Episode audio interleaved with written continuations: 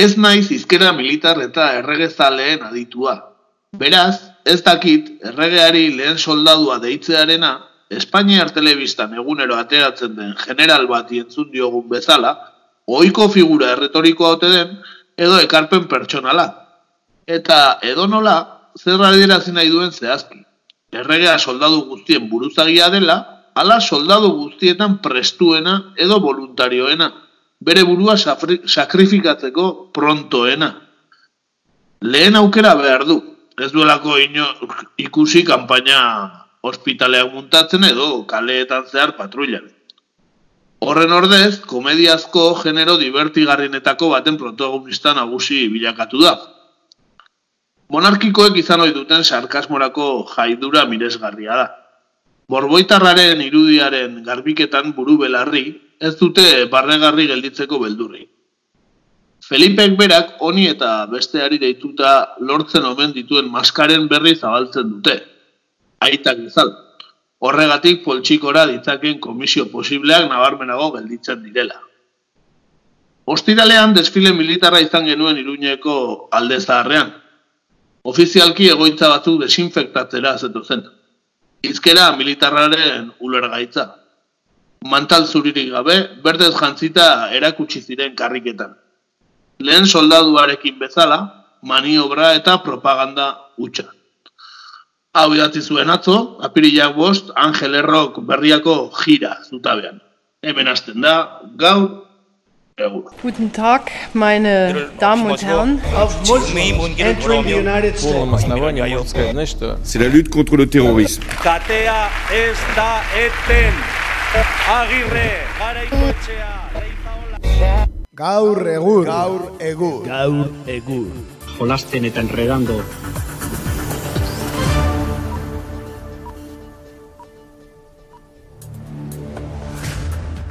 Bero, hemen gaude ba, jolasten eta enredando konfinamendu garaiko irugarren gaur egurra, ezta?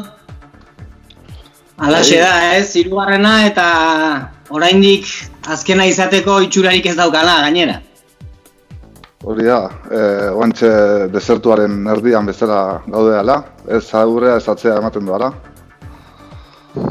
Ba bai, ba bai, baina bueno, guk egur Horra partitzen jarraitzen dugu, etxean bada ere, ez da? Hori da, seguruenik gaurkoan ez genuen irratxa egingo egoera normalean, ez? Aste santutan e, hartze ditugulako bi aste. Mhm. Eta gaur ja ez genuen egingo, baina, bueno, nola ez da egoera normala eta etxetik ez dingan ezatea, ba, irratxa egiteko aprobetsatzen dugu. Mhm. Zalantzare gabe eta zerbitzu minimoa garenez, ba, aurrera. Hori da.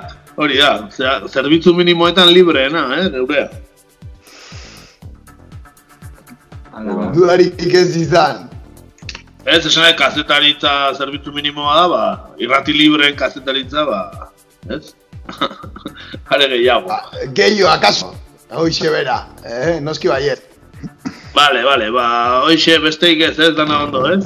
etxea garbitu ez eta danetik ez, paeta pintau, eta, eh, komuna garbitu, eta danetik ez.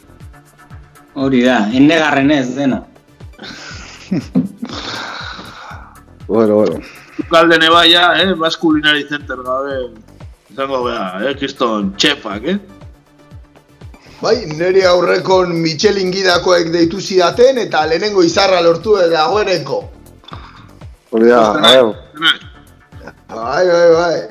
A ber, aukere, aukere dauken eh, egun ematen izar hori probatzeko, eh? Bai. Zer bai, dizkitute, eh, kotxeako neumatiko berrik edola?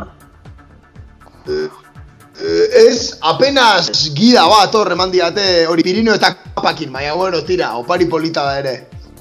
Bai, bai, ezer baino, be. Bueno, bueno, ba, a ber, a ber, prestatzen diguzun zer zer, horrengoan. Du ez izan. Bai, hemendik, bueno, ya bete gehiago luzatzen bali bada, bigarren izarra iritsiko zaidala espero dut. Beraz hoxe, eh, kontutan hartuta. ja, ja. Oso ondo, ba, bueno, ba, gaurkoan eh, bauka guzerta zitzegin, ez da, eh? Korona eta koronavirus eta danetik. Beraz, ba, guazen bertan gaur atalarekin.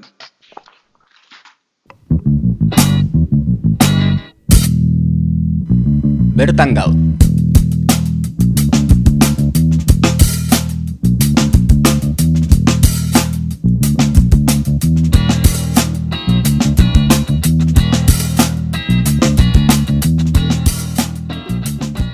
Bertan gaurren koronavirusa izango da gure gaia, bestela ezin litekeen moduan.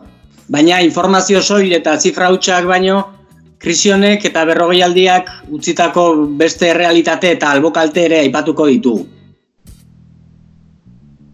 E, Madrilek beste bi asterako luzatu du alarma egoera jakingo duzuen bezala, aprilaren hogeta zeira arte.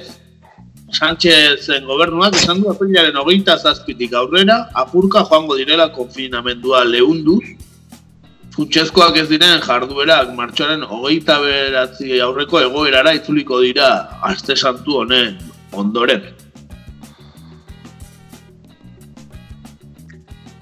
Sindikatuen kritika gogorra jaso zuen Eusko Jaurlaritzak erabaki honengatik.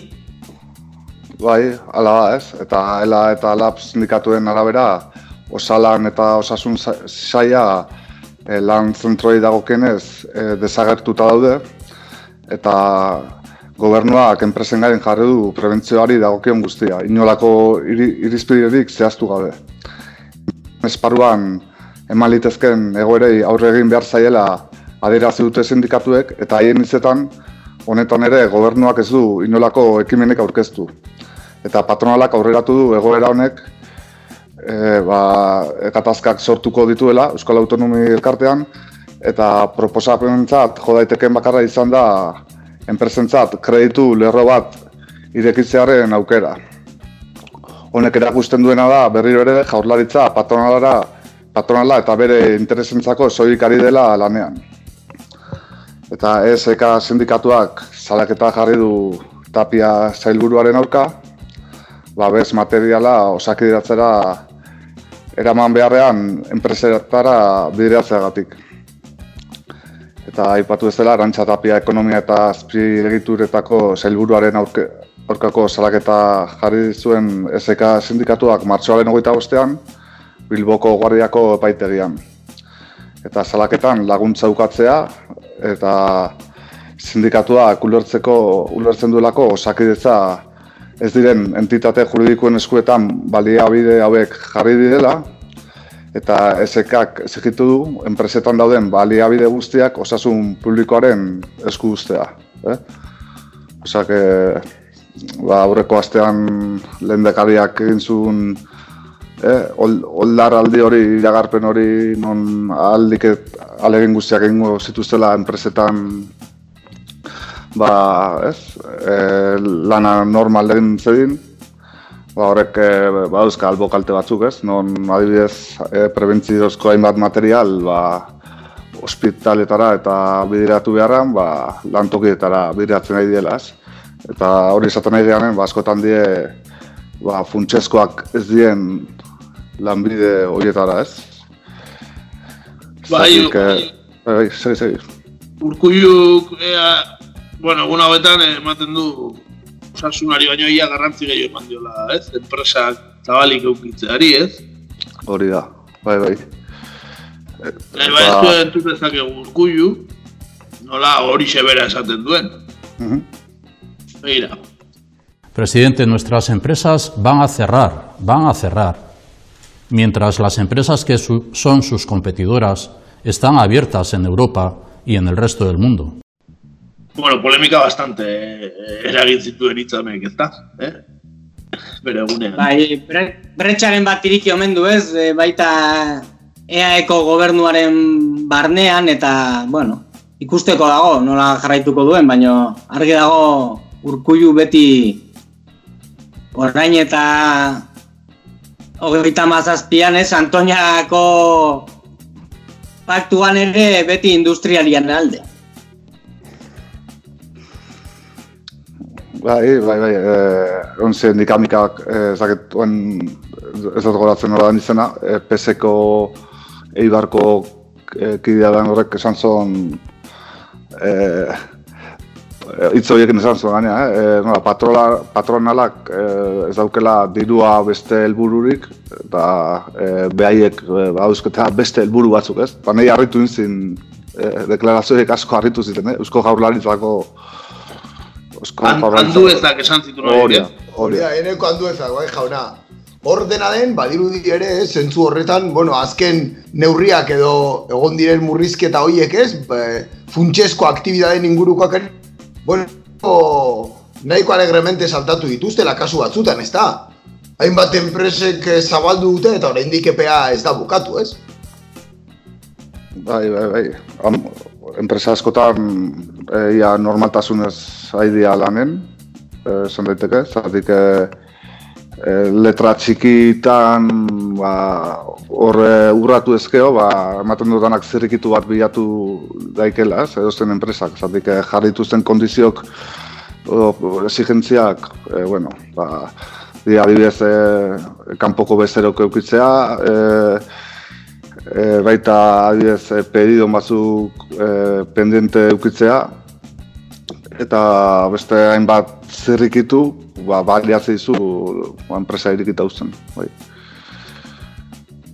Ba, lehen bastean, e, famoso hintan, e, termino berri bat, ez da, ez? Ekonomilarien artean oain e, modan jarriko da, nabintzat hemen, ez? Koma ekonomikoa. Eh? Mm -hmm. Niguan erten ez da dutzen. Bai, bai, ekonomilari asko ere ez zutela ezagutzen. Bai, baten bat... Urkulluren liburutei pertsonaletik ateratakoa. Bueno, ba, horri ere, ba, adibidez, ba, ela, elako Mitxel lakuntza, elako idazkari nagusia den Mitxel lakuntza lehenitzak, koma ekonomiko horri buruz, ezta? Zein da gure adibiderik gertuena? Gure referentziarik gertuena zen da, Italia. Zer esate dute Italian? Gradualismoz egin dituztela gauzak, hasi ziren poliki-poliki. Horrein ze esate dute, akatxo bat izan dela, eta industria gelditzea doaz. Eta, karo, gradualismoaren e, horren atzean zin dago patronalak, lehenesten duelako jardura ekonomikoa osasun, osasun berari ere. Mm. Eta, klaro, ni ustot oso larria dela ere, e, pa, e, lendakeri berak ere esaten duenean, edo aipatzen duenean, e, koma ekonomikoaren e, beldur hori. Eta egin beharko galdera, beste da da, zen nahiago dugu, koma klinikoa, koma medikoa, hori da nahiago duguna? Bueno, hortxe, Mikel, Michel Lakuntzaren hitzak ez da. Egia zen, bastante polemikoa izan da, ez, kontua, e, osasunaren gainetik ekonomia jartzearena, eta ez, e, jende asko kritikatu du EAJ, ba, patronalarekin lerratzeagatik. Badirudi gauza berria dala hau.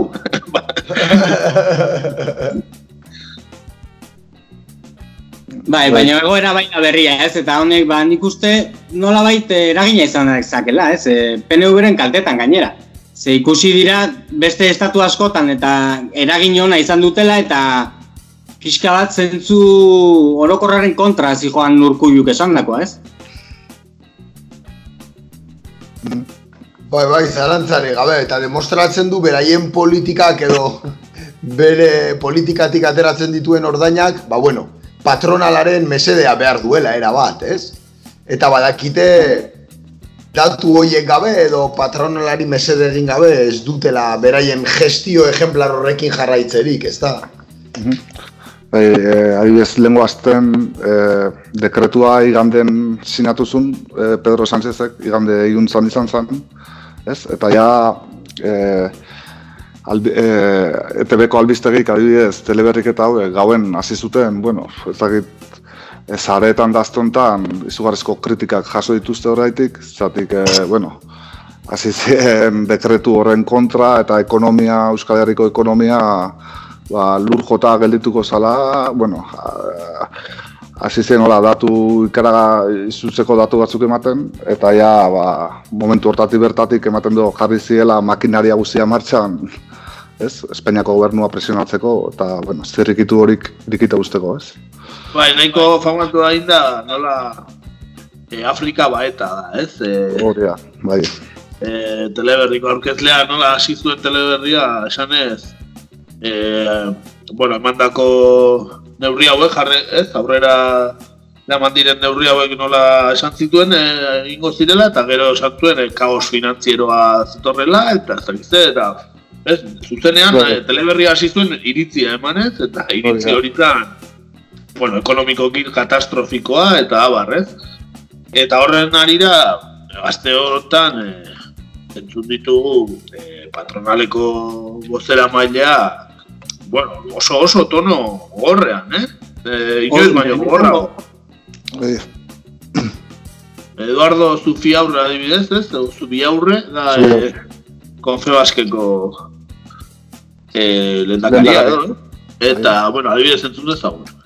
La situación es de caos, de máxima preocupación, de muchísima incertidumbre, de estar indignados, enfadados y pensando que esto es algo que, que en esta situación de, de máxima gravedad no nos merecemos. No nos merecemos las personas, los ciudadanos, las empresas, la sociedad en general.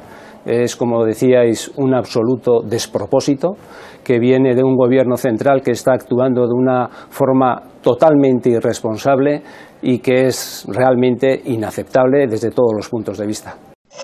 Gobernu bati kritika egiteko patronal batek, aspaldi eh? Zalantzari gabe eta deskaratuki gainera, ez? Tono horretan, bueno, ba, amabilidade kareta hori kentzen du eta eta beraien benetako diskurtsoa azaleratzen du, ezta? Dena den, bueno, beraiek ere, ez? Patronaletik eh, nekez saldu halko dute gizarte osoarentzat neurri kaskarra danik, ez? Noiztik eh, preokupatzen da Confebask herritarren gehiengoagatik? Beraien hitzatan, egunero ez, hau ez baita beraientzako kalte, zubi aurrek esaten zuen bezala gizarte guztiarentzako kaltea da, ez? Beti saiatzen dira zabaltzen enpresariak gizarte osoa direla, ez? Baina pre, presio talde bat besterik ez dira, ez? Baina agerian ikusi den bezala tonu horrekin. Duari gabe, eta hor ekuazio batean eh, erabaki argi hartu dute, eta osasuna eta eta benefizioaren arteko balantzan, ba, nola ez, benefizioa aukeratu dute, ez? Bai beraiek eta bai eusko jaurlaritzak. Bai, baina realitatea da, e, deklarazio horietatik e, egun batea, ja, e, Eus- Euskal Autonomia Elkarteko enpresa handi gehienak irikita daudela. Eh? Esan e, dekretu hori pasatu du, e, nire toki batetik, eh? Hori da, hori da. Bai, bai, bai, bai. Bestalde, bueno, e, konfinamenduan ez, e, betetzen ez dutenei, enpresak ez direnak behintzat, zigor eta izungo gorra jaso dituzte, hiritarra batez ere, e, entzuten genuen ertzaintzako buru bujana datu eta zizketan, ez? Ba, hemen txera daukagu, ato atera zen teleberrian ustean, bujanda, entzun dezagun. plantilla guztia dauko lanen, eh? Hogeita lau ordu. Eta gutxi gora bera, zenbakik izango dizut, baina hamar milatik e, bosteun hola gare ja izuna jarri dugula momentu hontan. Eta atxilotu aldetik, ba, egun da berrogeita mazazpi daukeu atxilotuta, baina danak, e, edo danak behintzet koronavirus edo desobedientziagatik e, atxilotutako. Bueno, hortxe, bujandak emandako datuak, goierritar garbiztu, baina koronavirus esaten oraindik ez du ikasi, koronasavirusa, edo. Barka, nu, nungoa da bujanda hau? Beha zain darra, uste. Ah, bale, bale, lehenengo berria, eh, kuriosia de dutxa zan. Ba, euskara batik ikusten zaio goierritar dala, baina hori. Ez dakit, igual beha zain alden koronasavirusa esango da, baina, bueno, ez dakit. Bai, ba, hori da, ez, hau da konfinamentu honen beste albo kalte bat, ez? Beak aipatu ditu zenbat atxilok eta ondien ja orain arte. Eta nik eh, hola, datutxo batzuk aipatzearen, adibidez, atzo igandea, Euskal, Au- Euskal Autonomia Elkartean behatzi lagun atxilotu zituzten, eta berreunda largoita bat salaketa jarri zituen ertzainak, e, mila eta hogeita hamabi lagun identifikatu zituen, eta autokontroletan 2000 zazpireun da berrogeita hamasei auto geratu zituzten. Hori atzoko datuak autonomia elkartean eta larun batean, adibidez, e, ertzaintzak e, larun da larogeita bi salaketa jarri zituen, e, eta hamar lagun ere atxilotu zituen. E, pizkat datuak ematearen. E, beste datu batzuk, adibidez, aurreko astean, martxoak hogeita lau, hogeita lauan, Euskal Autonomia Elkartean, e, zortzireun da laragoita pertsona identifikatu zituzten, egun horretan bakarrik, e, behatzireun da irugaita auto geratu, eta berreun da goita malau izun jarri zituzten ertzainek. Eta egun berdinean, martxoak hogeita lau berdinean, e, Euskal Autonomia Elkartean udaltzaingoak e, behatzireun da berrogeita hamasei lagun identifikatu zituen, mila zazpireun da larogeita mazazpi auto geldiarazi zituen, eta guztira irueun da irurogeita lau salaketa jarri zituen, eta lau pertsona ere atxilotu zituen ueltzaingoak. Eta hori da, e, gutxi gora bera, hori da, joera hori da, eh? Adibidez, e, e, egun batzu lehenago, martxoaren emeretzian, e, emezortzi lagun atxilotu zituzten Euskal Autonomia Elkartean, e, behar ziren da lero eta sortzi izun, e, egun berdinean e, Nafarroan e, behatzi lagun atxilotu zituzten, bueno, joera, e, hori da gutxi gora bera bueno, e, identifikatu den artean bak bat e, nahiko ilustrea, eh? ez dakit irakurtzea lortu dezuten, aurreko astean. E, e, Josi Ignacio, ez da? Hori da, eh? E, gure, gure programako eh? seme kutsuna. Eh? Hori da, dena entzuten da izuna kentzeko eta nomen zeudela, ze azken finean, bueno, horre, estralimitatu omen ziren gelditu, gelditu zuten poliziak eta Bueno, norbaitek ez badu, ez badu lertu, donostiako oizpo jaun munila eta zari zaete, ez da? Oixe bera, bai, bai. Bere, bera gaitzaki atzat jarri zuen, e, etorkin bat dentistara zera mala, ez? Bai, bai, bai. Osea, fede honez, eh? Harbatu zuten. Fede honez. Beti gaizki pentsatzen da, baina? Hori da. Hori ere jakin dugu azken orduetan, eh, aste santua hasi da eta balmaserako apaiza ere etxera bialitzutela atzo, ezta? Eh, kalera ateratzela. Eh, erramuak bedenkatzera bai, irten bai, eta prozesioaren zati handi bat ere egitea lortu zuen, e, uste dut prozesioaren erdian ja ertzainzak alto eman eta bai, bere bai, eh, bere balentria hori geratu zuela bai. Bai, biak cruzizan erdian. Hori da. Eh? Hori da, biak cruzizan, bai. Bai, fruta bizkarrean faltatzen, eh? Hori da, estroputziteko momentu ja esan zetan, hemen amaitzen da, eh? Hala, etxea. ba, lehen, entzun diogu bujanari plantilla osoa hau lau orduz daukiela, eh, lanean. Eh, Txatzet, eta lau ordu ertzen bakoitza bezitu da, eh, gogunero, ez da? Ba, eh, eh, eh. superheroia dia, ez da? Zortzitako txaloekin nahikoa dute. E, ala ere, gehitu beharko zaie plantilla hortara balkoietako polizia berriak, ez? Arkautetik pasagabeko ertzainak, eh? Hora. Bai, bai, oso modan jarri da zipaiismoa balkoietatik, ez da? Bai, zelataritza, eh? Balkoiko zelataritza Leheno bai. magu polizia bat barruan eta honek askatu egin du, ez? Balkoietara ateratzen diren bezino eta lagunak ba hor atera dira asko ba beraien polizia barruan zutela. Bai, hori susmopean, eh? Auzoki, auzokidea edo bizilaguna susmopean jartzen, eh? Bai, bera, ez? Bai, orain urte asko, ez? Bizilagun errepublikarra behatzakin apuntatzen zuten berdinak izangote eh? Estiloan bai behitzat. Bai, hor gero, gehitu behar diogu, baina ez, eh, jende asko, bizilagon asko daukaten ez jakintasuna eta ez, adibidez, ba, ez dakitela benetan bizilagun hori zertara doan, nora, nora doan, eta ja da, ez, eh, akusazioak eta buguliaka eta polizia geratu ezkeo gainea igual, ez, edo zer gauza esan, eta bai, eta jendea ez dago dela oso ondo ematen du, eh?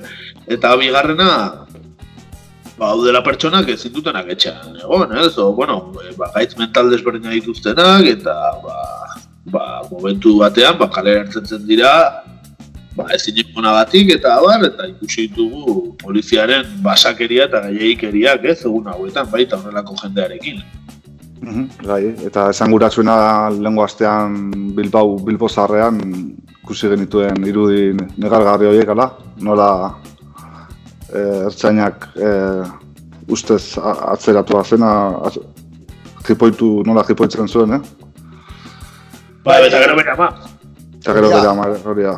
E, ona, e, nabarmentzea ere atzerritarrak zirela edo behintzat yeah. ez kanpoko sustraiak zituztera. Bai, argin e, nabaria da ez, presentzia polizial eta militarra igo dela, baina e, badaude leku batzuk are nabariagoa dela, ez? Eta kasu hori da San Francisco edo Bilbiko ingurua, e, Bilbon eta bertan ba ikusten da ba poliziak ze salbakeriaz jokatzen duen guztiz modu arrazista batean gainera, ez? Dudari gabe, dudari gabe, eta guzti honen aurretik ja normaltasunaren barruan, ez? Horrelako jarrerak izaten bali dituzte orokorrean, ez? Auzo horretan, ba bueno, orain txeke zuria daukatela, ba are eta gehiago, ez? Bai, ze gaina egun argiz, ez? Egun argiz eta han jende guztiaren begiradapean ez dakit e, etzaien okurritzen, ez? De, ikusten ari dira, egiten ari naizena edo bosta jola zaie, antza. Ba, ba, ba, ba, eskarmentu Bueno, ba. antzekoak. Konfina, konfinamendu gara hauetan, e, bi, ez, bi ezusteko handi, ez, bat, e, e, gobernuko partidoa patronalaren alde dagoela, benetan ezustekoa, eta bestea polizia arrazista dela, benetan ezustekoa ere, eh? Bai, bai, zenbat gauza deskubritzen ari garen egun hauetan, ez da? Bai, bai, bai, bai, kristonak. Eta aipatu duzu militarrena, eta hori ere aipatu beharko izango litzateke, ez? Euskal Herrira nola etorri zaizkigun gure militar lagunak, ez? Mhm, Bai, presentzia militar nabarmena izan dugu azken egun hauetan Euskal Herrian, e, batez ere Nafarroan, eh? Adibidez, e, e, asteburuan Iruñean ikusi ditugu, e, iru, irudiak eta beno ikusi- ikusiko zitu, zenituzten, e, ba, Espainiako armadako saldu, e, soldaduak, Zaraitzu, Etxalar, za, eta Zara inguruetan ere ikusi zituzten Iruñaz aparte, e, bueno, eta aipatzearen Iruñako kaleak e, nola e, konboiez bete zituzten armadako soldaduek eta auzokideak lapikoak e, hori lapikoak astintzera atera ziren, eh? eta alde, alde hemendik eta utzi bakeak, utzi bakean oiuak eginez, eh? ba, hartu zituzten militarrak. Bai, ba, dauzkagu audio batzuk, ez? Horre, garaio momentu horrenak, adibidez, entzun ezagun nola ko kasterola da egin zioten militarrei e, Iruñako parte zarrean.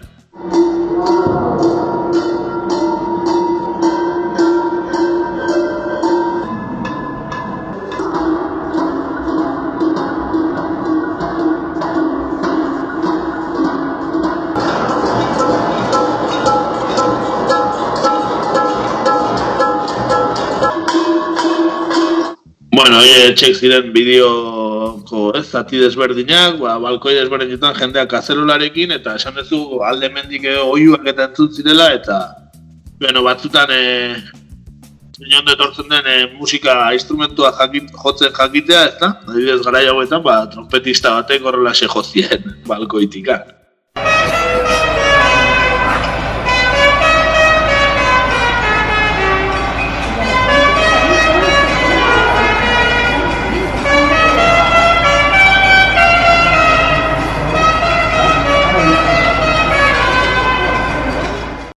Ba, hortxe, ez da? Bai, bai. E, ikusi genitu, eh, ikusi ez, eh? E, mil- militarren presentzia nabaria, Iruñean. E, bai, e, autobus geltokian, tren, tren geltokietan, e, au- autobus geltokietan ere, e, jendea identifikatzen eta kalean zehar lasai, gazteak, aiton, eaeko jendea, erosketak egiten ari zen jendea identifikatzen, Bai, bai, berez, eh, ez da egite, edifizio batzuk garbitzera omen zetozenak, ez da? Hori da, hori da. Hori da, Ba, zarren egoitza batzuk. Ba, kalean identifikatzen, Lizarran ere egon dira, ez? Bastan Bai. ere bai. Hori da, irunaz aparte, adibidez, eh, aurreko laru- larun batean eh, ba, eskarotzen, beran eta etxalarren ere eh, presentzia nabarmena izan zuten eh, militarrek, eh? Hola, Atzo eh, Lizarran, uste dut? Atzo Bai, igandea gero- Lizarran. Bai, e, larun batean baita Zugarramurdi pasara arteko mugan, han bertan e, kan, e, nola kanpaleku bat ere altxatu zuten, eta hori, e, ari dira, ba, behaiek propaganda kutsu antzeko, eh? zerbait, edo irudia, beraien irudia garbitzeko, edo azaltzeko kanpaina bat ematen du honedanak, ala? Bo, duari gabe, eta gobernu progresista baten eskutik gainera, ez da? Hori da, harrigarriena, ez? Bo, harrigarriena ez dakit, baina logikoena, ilogikoena bintza bai. Baina, bueno, hemen irabazle handienak oraingoz militarra dira durari gabe, ez? Jokatzen ari diren papelarekin ezer egin gabe eta txalo guztia jasotzen, hemen izan ezik. Bai, ez hori esan manezu, hemen pixka alderantzizko ateratzen zaie, baina ez dut uste militarra direnek irabazle bakarrak, eh? Uste dut Sánchez ere ondo jokatzen ari dela papel hori, eh? Uste dut estatu gizon modura ere igual ahi dala behatzen, ez? Militarrak erabiliz, eta esan nahi dut, agian eh, beste, ez? Beste publiko baterako, eh? eh ba, ari dela bere papela jokatzen, eh? Bai, alde horretatik bai. Bo, zalantzari gabe, eta hor ere, badago, bueno, kostatatzerik, ez? Podemosen, bueno, ez dakit, inoperantzia deitu edo, edo benetako aurpegia, ez? Ez dutela ere planto egin horrelako neurriak hartu direnean, ez beste neurri klase bat hartu direnean, ez? Kontrolaren inguruan. Ba, Barkatu goratzea, eh? baina Podemosen zerrendetan bin baino gehiagotan joan da teniente koloneloi bat, eh? Bai, bai, bai, bai, eh, otaneko... Bai, Pablo Iglesiasen gabineteko buru bera da, eh? Ez aztu, eh? Bai, bai, bai. Eta ez dago pentsau Podemos eh, antimilitarismo josia hoenik, eh? Bai, eta, bueno... Duari gabe, baina, bueno, egia, beraien gobernura iritsi direnean, ba, bueno, militarrak kalere de kaletara atera direla aspaldiko partez, ez? Bai, eta gero baita, eh, nabarmantzeko da nola, eh, adibidez, gaixotuen eta erien eta zendatuen datuak ematearako garaian, nola general bat ari den prentxaurrekoak ematen, eh? E, ezakit, e, e, bergoita marrute atzera itzultzea bezala izan da, zatik, e, gero behaiek esango dute beste herrialde batzuei buruz berdina esango dute, bueno, egiten itxura oso oso negargarria erakutsi du alde horretatik, eh? Espainiak. Ez dakit, behar bada, autoritarismo nolabait moda pixka jarri da irutzen zait, ez dakit. Oker nagoen, baino txinak azkar lortu omen du buelta ematea, ez? Eta txina estatu autoritaria izaki, dakit, e, autoritarismo itxura hori eman nahi duten e, virusari fuerte ematen ari diren itxura emateko, ez dakit, baina argi dago, e, ez dela bat ere irudiona, ez? Eta lenguaian ere esan duzun general honek egunero erabiltzen du, osea, beti simbolo militarrak eta beti izkera militarra, ez? Bestela ezin, ezin liteken moduan ere, noski, ezin diozu eskatu beste bai. modu batean itzitea, baina ez luke horregon behar, ez hori da lehenengo gauza. Beste kasu askotan, Europan adibidez ez daudelako ere, ez? ez? Hori da, hauek eh, aurreko astean itzen geruen obiangen lerrekoak dirudite, eh? Bai, eskola, bai. Eskola berekoak, ala? Eh? Duari gabe, baina, bueno, nori, nori okurritzen zaio, ez? Osasun arloko prentxaborreko bat astea, militar bat jarriz eta sin novedades en el frente esan, ez? ez? Hori esaten duelako egunero. Mm -hmm. Ze zentzu dauka horrek, ez? Praktikan ez baldima propaganda hutsa egitea, ez? Niretako propaganda hutsa da, dudi gabe, eta era bat hausnago esan dezuen aginda, baina militarra alde zingo eramen agertu ni bintzatez. Baina nik ikusten diote bai, tankera gehiago jankia, eh? Estatu batuetako estilo, eh? Nik uste horre, hain beste ipatzen den Iban Redondo edo ez, gabinete jefe hori edo horren eskua ez zote dagoen eta pixkat amerikanizatu ez zote duen kontu guzti hau ez, komunikabidei begira. Ba, bai, oso gakoa, eh? Bai, bai, bai. Eta ez zurruti, eh? Nik pentsatzen dut horrek influentzia handia auki duela. De hecho, Pedro Sánchezen azken, ez? Presidente izaterako ibilbide horretan ere, horrelako formulak erabili izan dituzte, ez? Pesoetik. Ez? Oso Obama zaleak, ez? Oso estatu batu dena eta oso ikusgarria, ez? Esan dezagun. Hain da Obama zalea ezen, ez dakit entzun duzuen Pedro Sánchezek aurrekoan e, zitazio bat egin zuen, Sadiz, poeta e, persiar bat inguruan, po, persiar poeta oso handi bat, ez? Ama garren menduko uste dela. Eta hain zuzen ere, Obamak erabili zituen hitz berdin berdin horiek, osea, zita berdin hori erabili zituen, ez? Ba, beste kanpaina batean edo. Ta, beti saiatzen dira lotura hori egiten, eta ni uste, ba, bai, amerikanizazio prozesu horretan, ba, behar bada jendeak naturaltasun desartzen duela, ez? Olako larri baten aurrean militarak ikustea. Amerikar pelikuletan oso dako eta Amerikar estena toki politikoan orokorrean, ez? Bai, hori, hori esan manezun, ez? Ikusten dut oso pelikuleroa, ez? Alarma egoeran, e, militarrak agertzea, prentsa ematen, ez? Eta gobernuarekin batasun hori adierazten oso oso Hollywood ikusten dut, baina, bueno, estatuetan hola egiten dute, ez? Bakarri Hollywooden, eh? Zan, gobernutik ere. Nik uste, nik horko itxura hartzen diot kontu guzti hori. Mhm, bai, eta ikusiko dugu gero aurrekari hauek, eh, gero etorkizunean e, zer, zer ondorio izate dituzten, eh? zatik e, excepzio gara honetan hartutako neurri hauek eta kendutako eskubide hauek, ez? Gero ez dute dituzten erabiliko etorkizunean, eh? Excepzioko momentuak ez direnetan ere, eh? Hor, egoten da premisa bat, ez? Normalen excepzio egoeratan e, onartzen diren erabakiak nekez botatzen dira aurrera ondoren, ez? Eta hor adibide asko daude horren inguruan, bai hemen eta bai mundu mailan ere, ez? E, kojuntura normal batean, urteetako, ez? Debatea eta erabakia, beharko luketen erabakiak orain egunetan hartzen dira, ez? Eta ondoren normalean oso kasu gutxitan botatzen dira aurrera. Kasu e, iraiaren amaikan gertatu zena, eta horrek ondoren adibidez ekarri zuen, ez? e, aldaketa bat e, mundu mailan, ez? Neurri horiek sekula ez dira atzera gota eta ia hogei urte pasa dira horrezkeroztik, ez? Bai, bai, honek aurrekari oso arriskutsua ekarri ditzake, eh? Adibidez, eh, estatu batuetan eh, Donald Trumpek berak konparatu du egoera hau goita bederatziko krakeko egoerarekin edo Pearl Harborreko erasoaren egoerarekin edo amaika, ez? Iraiaren amaikarekin ere, eh? bueno, hori, militarizazio prozesu hori edo kutsu hori ere eman ediote ala, denari ez? Inorrez adin gioitik atera edo horrelako zerbait ala. Bai, eta gainera, e, egia esateko nik uste e, pozi daudela ondorioekin, ze jendeak ikusi da behintzat, e, okerrez banago, prez dagoela, askatasuna alde batera usteko segurtasunaren alde, ez? Eta orokorrean, pentsa ez zina litekeena, ba, horrelako xok egoera batean oso errazartzen dira erabaki hauek. Eta ikusiko dugu, etorkizunean, ba, ea, ea ze autoritarismo modu berri, ez, zabaltzen zaizkigun.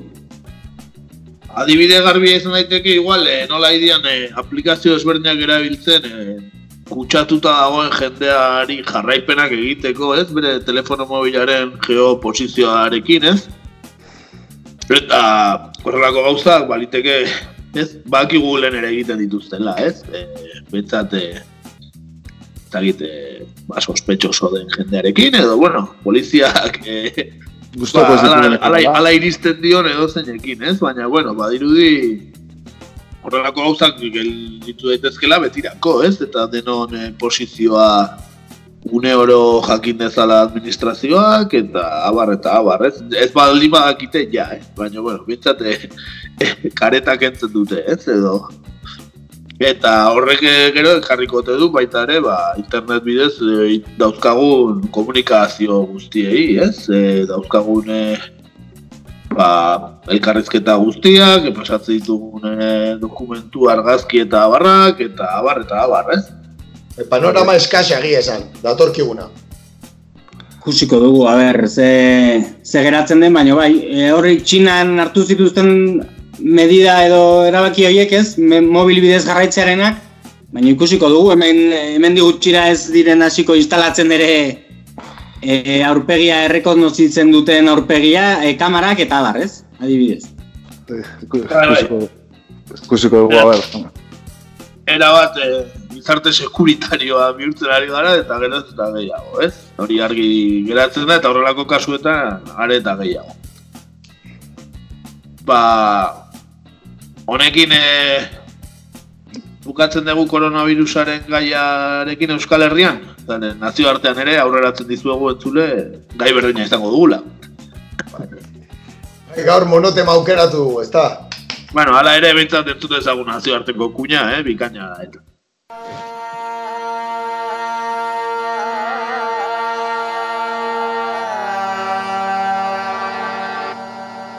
Nazio artean gaur.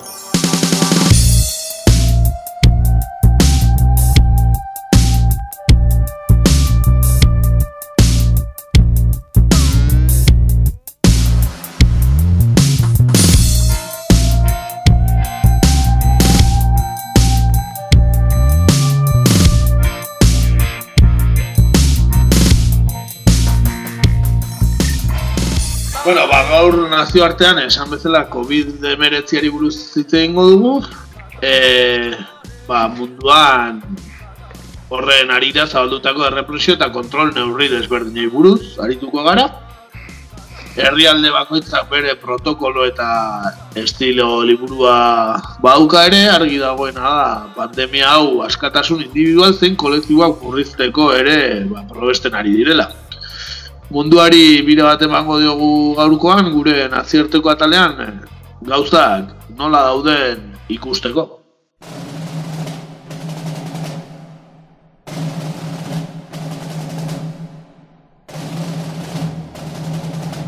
Bai, eta badirudi errepresioa munduan zehar edatu dela, ala? Eta nazioartean hainbat kasu desberdin daudela edo? Ba bai, bai, esan bezala hoxe ez, gauza planetario bat bihurtu da ez, bai virusa, baina baita ere askatasunen eh, murrizketa. E, bueno, konfinamenduaren neurria ia mundu osoko e, herrialdetara iritsi da, e, gehien gehienetara behintzat, eta komentatzen genuen moduan hoxe ez, ba, herrialde bakoitzak, ba, bueno, bere, bere metodologia edo bere, bere estilo liburua erabiltzen ari da. E, mundu osora ere eratu den beste pandemia bat bortizkeri polizialarena izan da.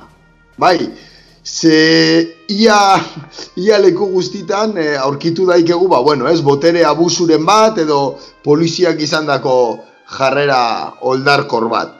Orduan, bueno, errepaso txiki bat egitea proposatzen dizuegu, eh, gaur kontan, munduan zehar, eta nunbaitetik aztearen, ba, bueno, estatu frantsesetik hasiko gea, eh, bertan daukagu, eta eta egia esan, kaso ugari egon dira bertan eh, pandemia hasi zenetik.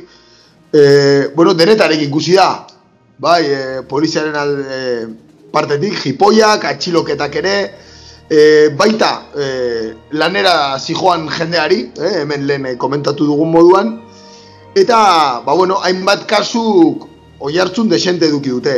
Bai, adibidez, e, bueno, Paris e, kanpokaldean dagoen zite edo, ez, ba, auzo herrikoi batean, ba, Amazonentzat lan egiten zuen e, mutil bati, ba bueno, poliziak emandako jipoia, ez? e, bueno, brigada oso baten artean e, ba, bueno, paliza bat eman zioten, eta ondoren, enkaina honatu ondoren, beraien pistolarekin, atxilotu egin zuten, e, ba, bueno, langila testazioak gainean etzera malako, ez? Ideia bat egiteko, e, neurri hauen inguruan, oso neurri diskriminatorioak izaten ari direlako, e, estatu frantses osoko isunen euneko amarra, zen zandoni departamentuan. Idira, Zentza ondoni departamentua da Paris, eh, Paris iparraldean aurkitzen dana, nahiko ezaguna dana, ba, bueno, bere garaian egondako disturbio eta kotxe erreketengatik, bai? Eta bueno, ba, bueno, herritar txiroenak edo gumilenak behintzat bertan bizidia, gehienak pentsatuko ezuen moduan jatorri afrikarrekoak edo edo migratzaileak eta bertan frantziosoko izuren eureko amarra jarri du eh, poliziak. Esan bezala hoixe, bai, e, bortizkeria kasu gehienak hori, auzo txiroetan eta suburrietan, eh, ematen ari dira, eta bueno, bideo asko, ari dira zabaltzen sarean, eh, esan bezala, bueno, denetarik, bai, irainak, eh, auto arrapaketak ere ikusi dira, poliziaren eh, partetik, jipoiak eta txiloketak esan bezala, eta bueno, eh, orokorrean hitz egiten bari badugu, identifiketutako eta jipoitutako gehienak, eh, bueno, magrebiar edo, edo beltz jatorriko hiritarra dira. Así que orduan esaten naizea, Frantzian ere polizia arrazista dela. Bueno, nila konfinamendu honekin ja ez dakiz. E, beretan, e, gora jartzen nahi zain gizarte eredua. Eh. Bai, bai, sorpresaztea la vida, eh? Ez da, ez genuen espero hau erez, eh? Inundik inora, inundik inora. Frantzi, suburbioetan, beltz bat edo magrebiar bat gelditza, noiz ikusi da hori, ba, orain ikusten ari da, ez? Ba, ez nuen espero, nuen espero, eh? Egia zen. Ez izu, sorpresas beteriko programa da gaurkoa, ez da? Bai, bai, gara bat. Eh, bueno, tira. Eh, bueno, eh, diskriminazio horiek saiesteko Senegalera jungo gea. Bar, hor, bueno. bitxo gora bera denak, eh, bueno, ez? Eh, tono Ar arraza berdineko eh? Hoize, hoize esan barunen, baina poliziak beti aurkitzen du aitzakiren bat. Bai, Senegalen adibidez, martxoaren hogeita lauan, hasi zen e, konfinamendua, eta konfinamendua agindu eta minutu batzutara, polizia auto pilo bat atera ziren kaleetara, antidisturbioz jantzita kaso askotan, eta bueno, aurkitzen zituzten e, guztiak oso gogor, jipoituak izan ziren, eta bueno, asko ke konortea galdu arte adibidez, bai, bideo gari ere saretan, eta bueno, egunak pasa ala, ba, bueno, beste kasu asko eman dira, e, tartean ospitaletik etxera, ba, bueltatzen, bueltatzen ziren osasun langile batzuena. Beraz, bueno, hemen ez dago inorkestaka polizia bortizkerian esklusibidadea. Eh? Bueno, Afrikan geldituz, bolikostan ere oso irudi gogorrak ikusi dira, eta jipoi masiboak egon dira, bai, poliziaren partetik, zauritu askorekin, eta horre ba, bueno, botere abusua eten gabe. Eh? Hori Afrikako bi herrialde hartzearren, bai, beste amaikataz hitze egin alko genuke, baina, bueno, ez for... Bai, eta non eh, eh, Afrika bezalako toki batean, non kandea egunean bizi den, eta segurazki eh, jateko, lortzeko saiakera eta izango diren esku hartzea hau gehienak. Eh? Eh, ematen du hemen eh, denak bizi diela eh, eh, hemen mendebaldean garen egoeran, gure eh, bueno, etxe lasaietan eta egonkorretan, eh? bueno, han munduko toki gehienetan, ba, eguneroko jana lortzeko, eguneroko gira lortzeko, ba, egunero eh, lan egin bara daukate, egunero lortu bara daukate balia bideo horiek, ez? Duare gabe, hor Afrikan bai hitz egin dezakegula koma ekonomikoaz, ez? Milioika pertsonen kasuan, ez? Jatekorik ez dakatelako, ez? Lan egit, ez baute egiten egunean, ez da? Hori da. Bai, Afrikan eta beste munduko hainbat lekutan ere bai, ez? Pentsa ezakegu eh, ez da, Latinoamerikan gertaliteken moduan edo beste Asia inguruan adibidez. Duare gabe, bai, bai agian koma ekonomikoa aipatzean e, urkullu guzti horietaz ere akordatzen ari zen? Izan bai, daike. Karitate kristaua eta hori dena. Izan daike, eta guk beste behin ere interpretazio tortizero horietako bat egin izana. Bai, Jesuiten misioa, eh? eh? aurrera eramatea hori da, eh? Baina, bueno, tira, ba, esan da, bueno, Afrikari dagokionez, Ba, beste herrialde bat, ez, bueno, zer esan de, de xente manduena, bat ere komunikabidetan, e, bueno, eta oso, nola esan, demografikoki, oso herrialde haundia delako, India da, kasu hontan, bai, e, bueno, e, bertatik irudi asko ikusi dira, bai, ikusi gugun dela poliziak kalean e, jendea jipoitzen zuen, eta ariketa fizikoak egitea behartzen zituzten, ez? Baita ere, literalki jendea nola lurrean esertzen zuten eta fumigatu egiten zuten, ez, desinfektatu egiten zuten. Eta egia da indiako kasua oso kasu aipagarria dela, ez? E, zentsatutako mila irureun milioi pertsonatik, askoz gehiago izango direla segurazki, e, etxean gelditzeko agindua zahaldu da. Baina ofizialki, ofizialki, lareun milioi baino gehiagok ez dute etxe bizitzarik. Zau da, kalean edo kanpokaldetan, ba bueno, txosatan edo edo dendatan bizi dira. Hortaz ezin dira etxean gelditu. Eta bueno, ba pentsauko ezue, poblazio bai. txiro hauen eh, hauentzat, ba bueno, poliziari da, ba bueno, bere bere eran maltzurrak egiten beste behin ere. Bai, egoera oso oso latza daukate indian, eh, adidez azken egun hauetan irudiak azaldu atera dira, non e, trenetako bagoiak ari diren e, ospitale bezala jartzen, eh? trenetako bagoiak. Osea, e, uste dut e, arazo handia daukatela e, ospitaletako e, e, kopurua dela eta, e, behaien populazioa dela eta, eta ikusiko da ze, ze pasatzen den, urrengo unetan eta hori gehituta zu lehen aipatu ezuna, non jende asko ketxerik eta non egotekorik ez duen, e, egunero jateko beharko duen kalera ateratzea derrigorrezkoa du eguneroko hogi ateratzeko, ba, benetan egoera oso oso latzean ba, milioika lagun, eh? eundaka milioika lagun. Ba, bai, bai. Gai serioa da benetan, baina, baina umore puntu bat emateagatik, eh, Indian polizia, polizia, polizia gain personal trainerrak ere bihurtu dira, eh? bai ez, Jo, baiet, hor sentadillak, vamos. Eundaka, eh, ez da? Eta, no, ba, no diteke, eh? ematen du gaina eh, broma diruri, zatik azkenen, eh, esaten nahi eh, kirola itea eta da, inbehar ez dana ez, segurazki behaiek aide, virusa balin badau, behaiek poliziak aide virus hori edatzen, ara? hori ematen du, ara?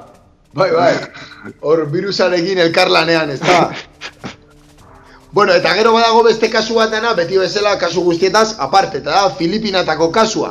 Bai, jakingo izuen moduan, eh, Rodrigo Duterte presidenteak, ba bueno, konfinamendua saltatzen dutenei, hiltzera tiro egiteko deia egin zuen ofizialki, bai, telebistan. Bere estiloan. Hori da, Rodrigo Duterte, bueno, ba hoixe badakigu, ez? Eh, Asia ekialdeko John Wayne dala, ez da? Bai, da. Asia ekialde, Asia ekialdean dago Filipinas, baina benetako Far Westa da, eh? Bai, bai, bai, bai, bera denak betetzen ditu, jarri el sucio eta guzti horiek baten, eh, batuta. Bai, el, bu el bueno, el feo y el malo. La irura bat.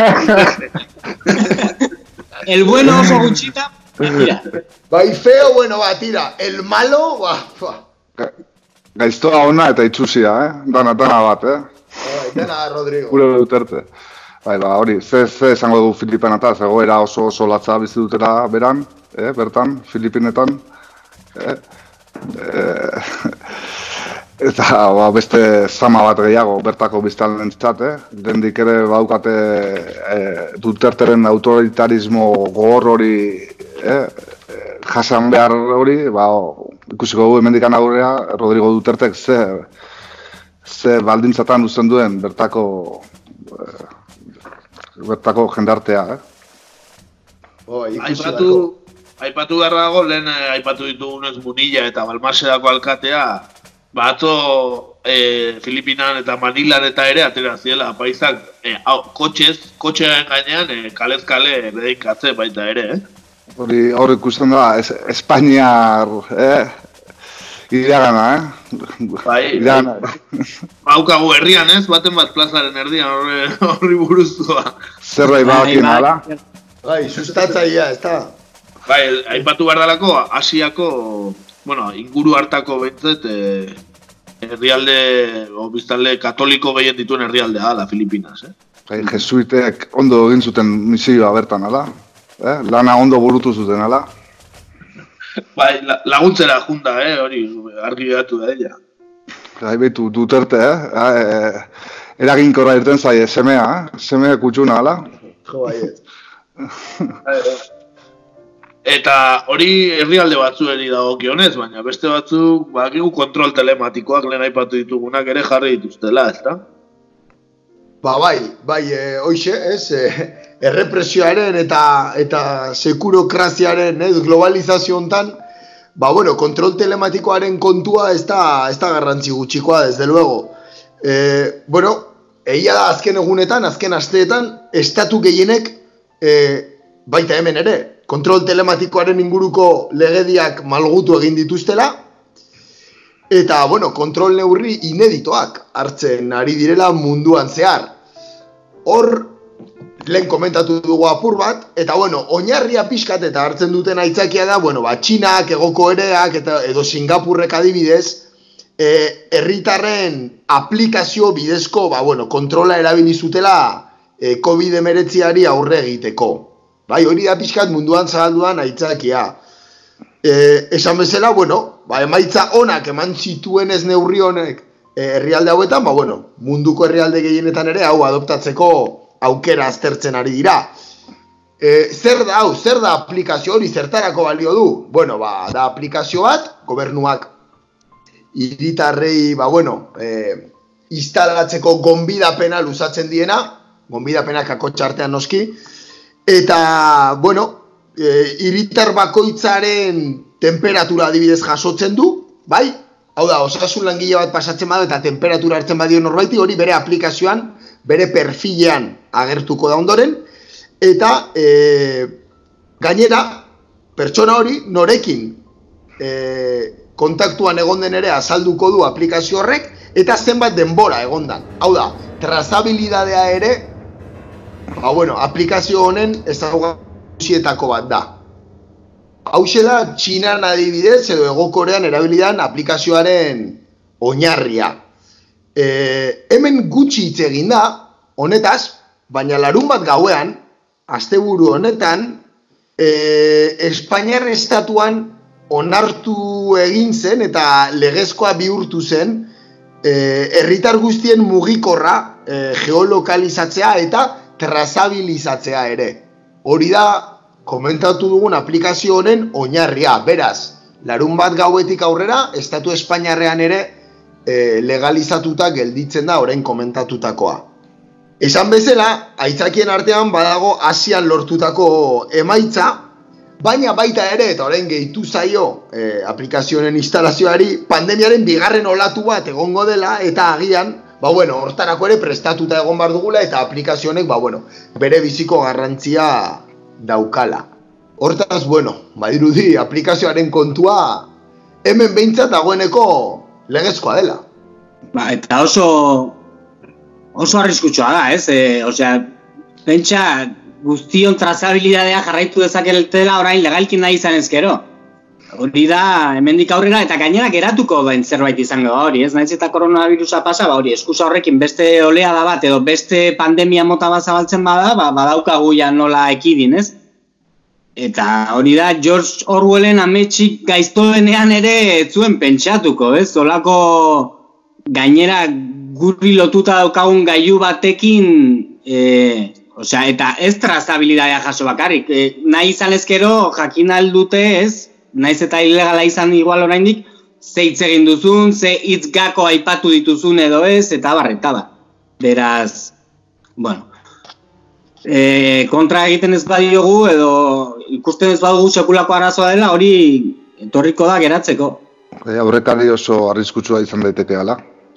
Bai, bueno, egia, a ber, azken urte hauetan, ez, azken amarkadan edo azken amabost urteetan, garapen handia egon dela, ez? Kontrol sozialaren inguruan eta oso aspalditik programa asko, ez? E, ba bueno, daudela martxan batez ere mendebaldean behar diren edo bueno, beraiek prioritariotzat dituzten ekintza horiek kontrolatzeko, ez? Niko goratzen naiz adibidez eta oso aspaldita zari naiz, ia hogei urte eta zari naiz, nola adibidez, e, Espainia Irakeko gerran sartu zenean, e, estatu batuek ordainsari moduan edo ordainsarietako batean e, etxelon programa famatu hori instalatu zuten Espainiako ba, bueno, azpiegitura polizial eta militarretan. Eta hor egon zen lehenengo gako bat, orain dela ia hogei urte eta zari gara, eh?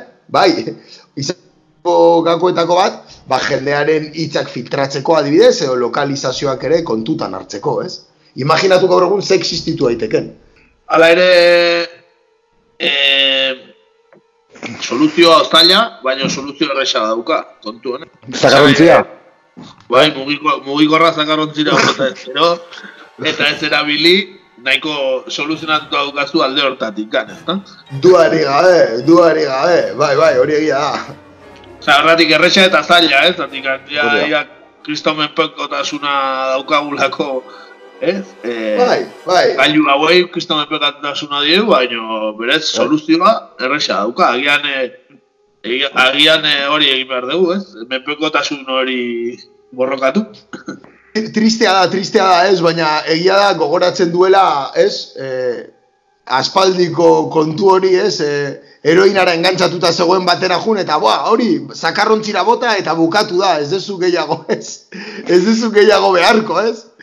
tiralo ya está, no? Baina nik uste eta zegoera berdinan gaudela, ez? Eta, eta oso zaila dela adikzioa sortzen denean edo menpekotasuna sortzen denean hortik ateratzea, ez? Batez ere, instituzionaldetik inungo, inungo asmorik ez dagoenean laguntzeko, noski. Agian, netorkizuneko erronka bat hau izan barko lukeala, gizarte, gizarte bezala da.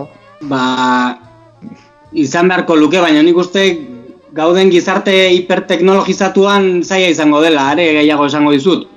E, are eta aplikazio gehiago egingo ditu mobiarekin hemendik hamar urtera begira nik uste, ez? Osea, eta jakizu ez ote diguten erloju batekin jarriko edo ze puntutaraino ez du egun eukiko beste Mikrochip, famatu ala, hori da. Izakia bai, bueno. ari da. Bai, hor, eh, ba, baten batzuek planteatu zuten, ez? Israelen planteatu zen hain zuzen ere, agian e, pultsera bat, e, bueno, iritar guztiei jartzeko, e, ba, bueno, proiektua edo, eta pertsona hauen, ba, bueno, e, frekuentzia kardiakoa eta presio arteriala eta guzti hori neurtuko lituzkena, eta aplikaziora zuzenean e, bidaliko lituzkena. Hau da, balidirui pelikula bat eta zari garela, baina gobernuak ari dira horrelako proposamenak eh, aurre ikusten, ez? Bai, lehen zenioten gobernuek eh, ez dutela laguntzen menpekotasunari aurre egiten eta bar, nola lagunduko dute, ba, ez? Bera jentzat, eh, gailu ia magikoa da, ez? Eh, smartphonea. Bai, bai. Hala ere, eh, kontrol soziala zara hartago, ba, daude, munduan zehar errepresioaren beste aurpegi batzuk, ez? Gora, pentsatu ditzakegu adibidez, errefusiatuen kasua, edo gerra gunetan dauden herrialdeak, eta abarre. Eh, duari gabe, duari gabe, eta nik uste guztiari begiratuta gauza bat argi baldimago da berrogei aldia ez dala berdina denontzat hasieran esaten zan moduan, ez? Ba, zirudien hasieran diskurtso romantiko antzeko bat zegoela, ez? Ba, denak egoera berdinean egongo gea, behingoz behitxua, beratxak eta pobrea berdin egongo dira. Bai. Ez da, ez da berdina. Hori beti da gezurra, ez? Virusak ez du klasetaz ulertzen eta gezurra. Bet, ganak ulertzen du klasetaz gizarte klasifikatu batean bizi garelako. Habe, kasu adibidez, mundu osoko, ez? Adibidez, espetxetan dauden presoen eskubideak, ez? Mundu osoan zehar, e, era bat murriztu direla. Ez? E, hor, baukagu berrogei aldi bat berbi, ez? eta espetxetan, bueno, kontagioak areagotu egin dira orokorrean, e, ziegatik ezin dira irten presoak, bisitarik ere ez dute jasotzen, beraz, bueno, e, eskubide murrizketen maila oso, oso delikatuan aurkitzen dira mundu osoan zehar, ez? Gero e, komentatzen zenuen, ez, errefusiatuen egoera adibidez, ez, beste adibide bat jartzearen, edo paperik ez, da, ez duten pertsona hoienak, ez, oai, lanik e, e, ezin dutena egin eta laguntzarik ere jasotzen ez dutena estatuaren aldetik. Hemen bertan eh, izan daitekena, baina mundu osoan zehar ere. E, ba, bi adibide nahiko, bueno, nahiko ez oso lotxagarriak, adibidez, errefusiatu ere mu batzuetan, konfinamendua ere agindu delako. Adibidez, e, bueno, nahiko entzutetsuak diren edo Greziarre uartetan, bai, e, berrogei mila errefusiatu aurkitzen dira momentu honetan konfinatuta, eta adibide bat jartzearen Moriako kanpalekuan, bai Lesbosen dagoen errefusiatu kanpaleku horretan, Moriako kanpalekuan, iturri bakarra dago mila irureun pertsonako. Eta honi gaitu bar diogu, iru mila pertsonaren prestatuta zegoen kanpaleku batean, hogei mila bizi direla. Hortaz, bueno, imaginatu zen euri higieniko hartu daitezken bertan pandemiari aurre egiteko, ez? E, Afrikan ere badira horrelako kasuak, kasu Kenian adibidez, ez? E, e, Nairobi kanpoaldean edo, e, Dadab errefusiatu eremua, munduko handienetako bat da, baita bertan e, gehienak somaliarrak dira, somaliatik, e, bueno, ba, gerra, gerra zibiletik ies egindakoak, eta bertan berreunda marmila pertsona aurkitzen dira, urik gabe eta argindarri gabe. Bueno, ba, imaginatu, ez? horrelako kondizioetan nola, nola aurre egin altzaion kontu guztioni, ez? Bai, ez dela e, guztiontzako berdina da, eh? berrogei aldia, eh? horrek erakusten dugu, adibide horrek. Bai, eta alako leku batean sartu ezkero sarraski bat izan daitekeela, ez dagoen jende kopuru kantidadeagatik eta, bueno, eta kondizio eta baldintza eskasak, eta gainera, e, inori ez daizkiolako inporta. Hau da, osea, zeinen esku daude, ez? E, hola esaten dut hain gogor, esarteko, osea, ez ikusiaren egiten dutela, bai Europar batasunak, bai Greziak, bai jatorrizko herrialdek, e, inorek neskuetan ez daude, ez? Zalantzari gabe, inor ez, ez dago, ez, kontu honetan, ba bueno, erantzunkizunik hartzen ari eta eta eta esaten zenuena, ez? Ondorioak oso oso larriak izan daitezkela, ez? Baina zer esan behar diazte, baina Europar batasuneko buruzagik bai arrazistak diala, baina zer da? Eh, eh, onaino iritsi geha, bai, bai, bai, bai, nik ere benetan, eh, oza, sorpresa, sorpresa gaur, eh? Ikara, ikara, ria. Bai, bai, bai. Du berri bat zabaldu zaiz, begien aurrean gaur. Nera, bai, nera suntxitu eginda eta beste bat dilekua eman dio, bai. Bai, bai, bai. esaten dutenez eh, honek eh, segurazki eh, nazionalismoa ere sustatuko du, eh, egoera guzti honek.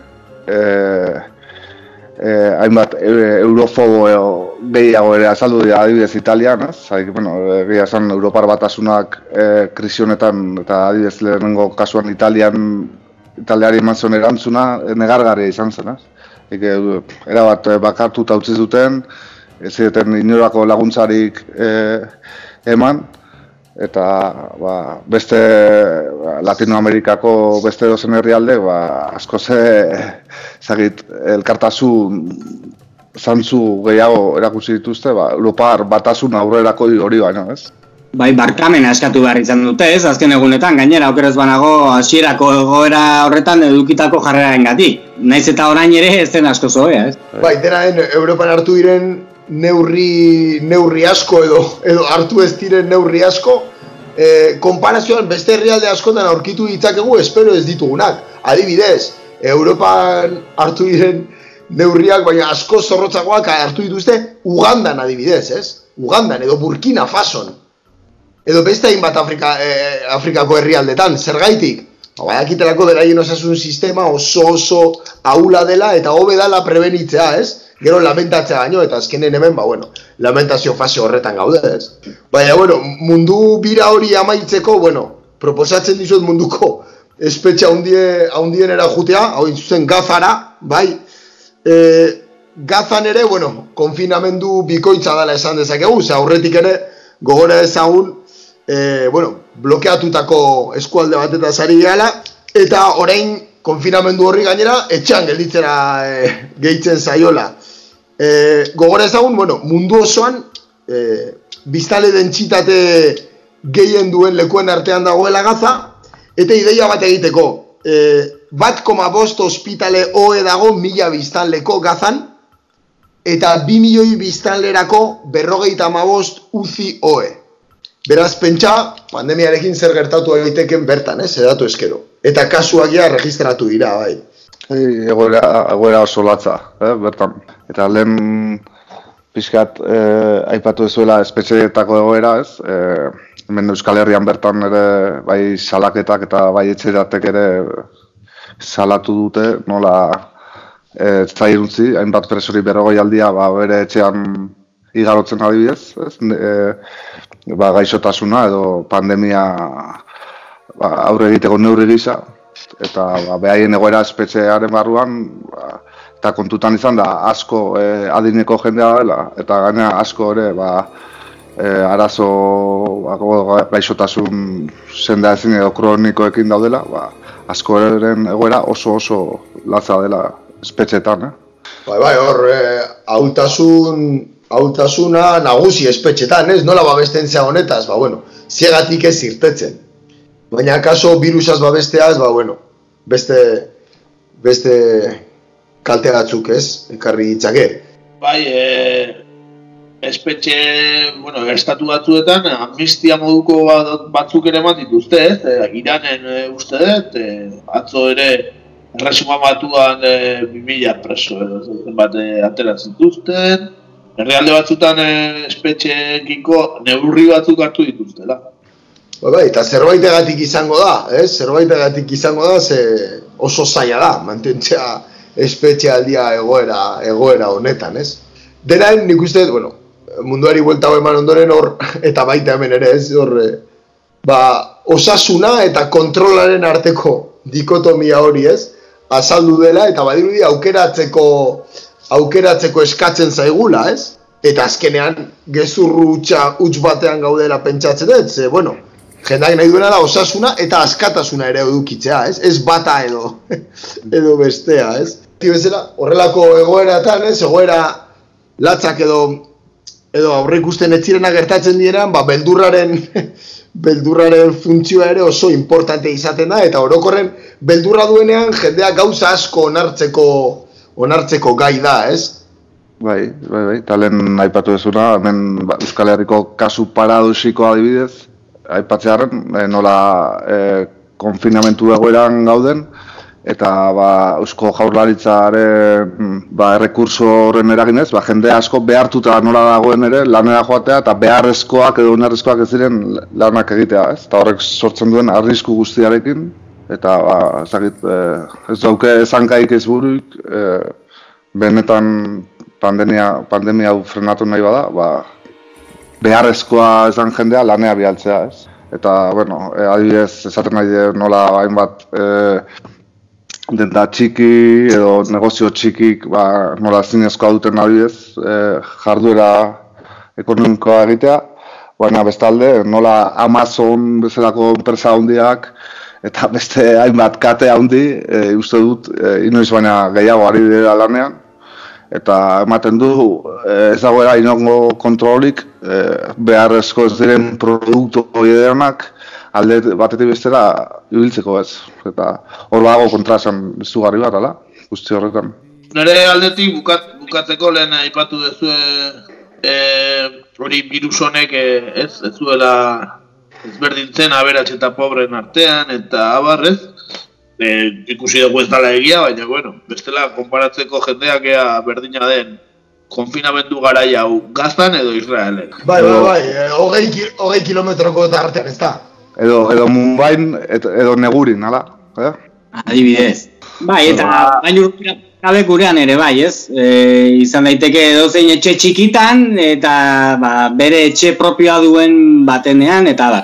Azkenean argi dago, ez? Daneak ikutzen duela eta ikusteko dago ze segurtasun mailarekin bukatuko dugun, ze askatasun mailarekin batez ere, baino tira. Aurpekariak ikusita eta beldurrak guregan edo pertsonen duen eragina ikusita eta historiari begiratuz gero e, zehose ikasteko garaia heldu zaigula pentsatzen du bestela honek okerrera egingo du baia da bai, ez? Eta beste pandemia bota bat zabalduko da, segurazki, asko zokerrago. Bueno, ba, segurtasun naren e, pandemia hau edatzen baldin bada ere, ba, gaur egurren e, antibiotikoa hemen eukiko dute laguren zuleek, ezta? Uste ba digute, horren askatasunak entzen ez ba digute. Horretarako bakuna prez daukagu. Hori da. Ba, hortxe, guazen e, gaurko egunez atalera, koronavirusari eman diogu astindu hon bat eta. Egurra, abesti bat entzungo dugu aurretik? Hori da, hori da, zer abesti? E, idiotek deitzen den abesti bat, Radiohead talde, taldearena.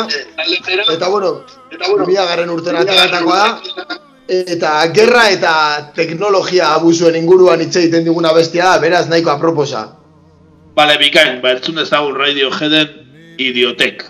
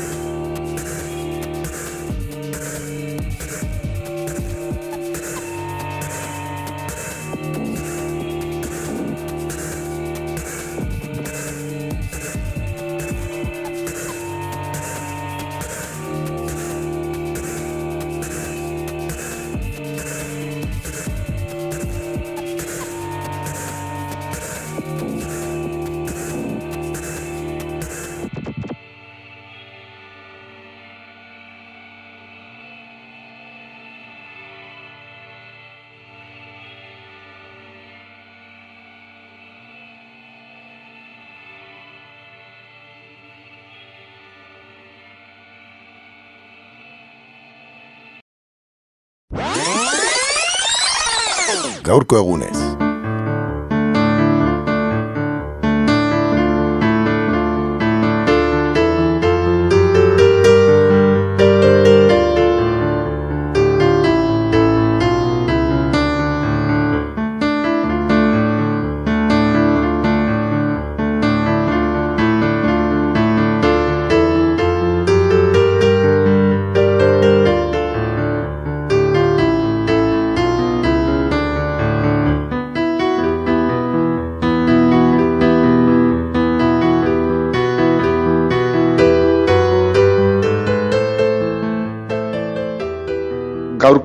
Gaurko egunez atalean Espainiak imperioa galdu zuen garaira joango gara.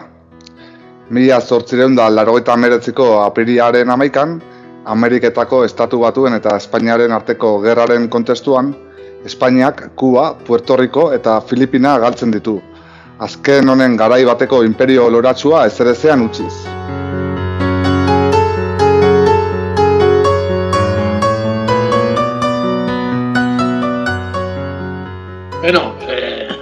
Gai polita ez da, beti ere. Eh, imperioak galdu ziren eguneko efemerideak, ez da, mase perdio en Cuba. Eh, bueno, nola zen une hartan potentzia dekadente eta potentzia bihurtzeko bidean, zijoan estatuaren arteko guda hau. Bai, bueno, potentzia baten gainbera beste bat sortzeko, ez hori hori da alde txarra baino tira. Bai, bai, Bat hori- hori zen. Bai, ba, bueno, e, emeretzigarren mende bukaeran ez, Berlingo konferentzian, mila sortzireun da lauan, Europar potentzia koloniazat, kolonializatzaiek, e, ba, beraien edapen eremuak e, bestekin konfliktoan edo saiesteko, sai, sartu ez zeiztezen, ba, bilera bat egin zuten, ez? Eta, bueno, horri banatu zuten Afrika adibidez erregelaz, ez? Denok ikusten dugun moduan Egipto eta Libiaren arteko muga eta bar, ez? E, baina estatu batuek ez zuten konferentzia horretan parte hartu, baina bazeuzkaten ba, helburu imperialistak, ez? Denok dakizuen moduan. E, beraien hasierako edapen eremua Karibeko eskualdean finkatu zuten eta neurri txikiago batean e, ba, Pazifiko aldera, ez? E, ozeano barean eta da, noski alde batean zein bestean Espainiak ba, koloniak zeuzkan, ez? E, alde batean Kuba eta bestean, bueno, Kuba e Puerto Rico eta beste aldean ba, Filipinak, ez? Eta, bueno, Kuba, ba, zuk esan duzun esaldi famatu hori ez, mase perdio en Kuba, han, hain da famatua, ba, Kuba zelako nolabait e, arribitxi bat, ez? E, Espainiar ja geratzen zen imperio txikirako, ez? E, haren balio ekonomikoa izugarria zen, eta haintzeina handia, e, gerra hasi aurretik ere, Espainia, e, estatu batuar presidente batzuek erosteko saiakerak egin zituzten, ez? E, adibidez, Luisianarekin egin zuten bezala, ez? E, Napoleon irugarrenari erosi ziotela, ez? Gerra kontestu batean. E, bueno, e, eta datu bat emateko, ez? E, garaian, Kubako, bueno, Habanako merkataritza trafikoa zen Bartzelonakoa bezain bestekoa. Osea, metropoliko hiri handiena handienetako baten bezain bestekoa izugarria da hori, ez? Eta, bueno, esan beharra dago, Kuban bertan, Espainiako egoera militarra zaila zala, Manbi, Manbiarrek edo Manbizez deituriko gerriari independentistek eremu kubatarra kontrolatzen zuten gehien bat, eta eremu gotortu eta hiri nagusiak zeuden bakarrik Espainialen, Espainiarren esku, ez? E, estatu batuetako gobernuak e, nolabait ikusita armada independentista honek e, azkenean Espainiarra e, boteretik entzeko aukera izango zuela eta beraiek ez zirela horren parte ez, ez zutela uartea eskuratuko ba esaten dute nola hau ezin daiteke izan ez beste batzuk irabazi behar digute guk nahi duguna eta esku hartzea erabakitzen du ez Bueno, eta esku hartzea esaten duenean Amerikar estatu batuek, ba, zer- zeukan buruan hori esaten. Bai, e, esku hartze, bueno, zikin moduko bat, ez? Oso famatua historian, e, estatu batuek bidali zuten Kariben gurura main e, akorrazatua, ez? Habanara. E, bidaia edo, bueno, helburu nagusiak hasiera batean omen ziren Espainia provokatzea, e, Espainiak ez baitzion Kuba eta Puerto Rico saldu nahi, ez? Esan beharra dago, laro eta mezortziko urtarriak bukaeran iritsi zela, eta otxaiaren erdialdean, amagostean, nahin zuzen ere, e, lerketa batek abanako portua argitu zuen, eta korazatuak, ba, ireti salto egin zuen, ez? E, estanda bate hontzen, eta irureunda berrogeita mabost tripulatzaietatik, berreunda berrogeita mar marinel eta bi ofizial itziren, ez? Eta beste ofizialtasun guztia, non ote zegoen? Ba, Espainiarrak beraien alde ematen ari ziren dantza batean, ez? Pentsa dezakezu ze sorpresa, ez? Han dantzan zaude eta bapate zure barku preziatua egan ikustea. Baina, bueno, e, gero ikerketa baten emaitzen zain egon gabe ez, prentxak, e, William Randall Hearst, e, famatuaren prentxak, ba, urrengo egunean titularra argitaratu zuen esanez Main gerrauntzia erdibituta etxaiaren infernuko leher gaiu sekretu batengatik, ez? Horrela, jarri zuen titularra, ba, bueno, e, gobernuari edo ateak irikitzen, ez? Ez dakit nik etzan hori izango estatu batuak beste batzutan erabili duten bezala beraien aurkako atentatu faltsu bat, ezta?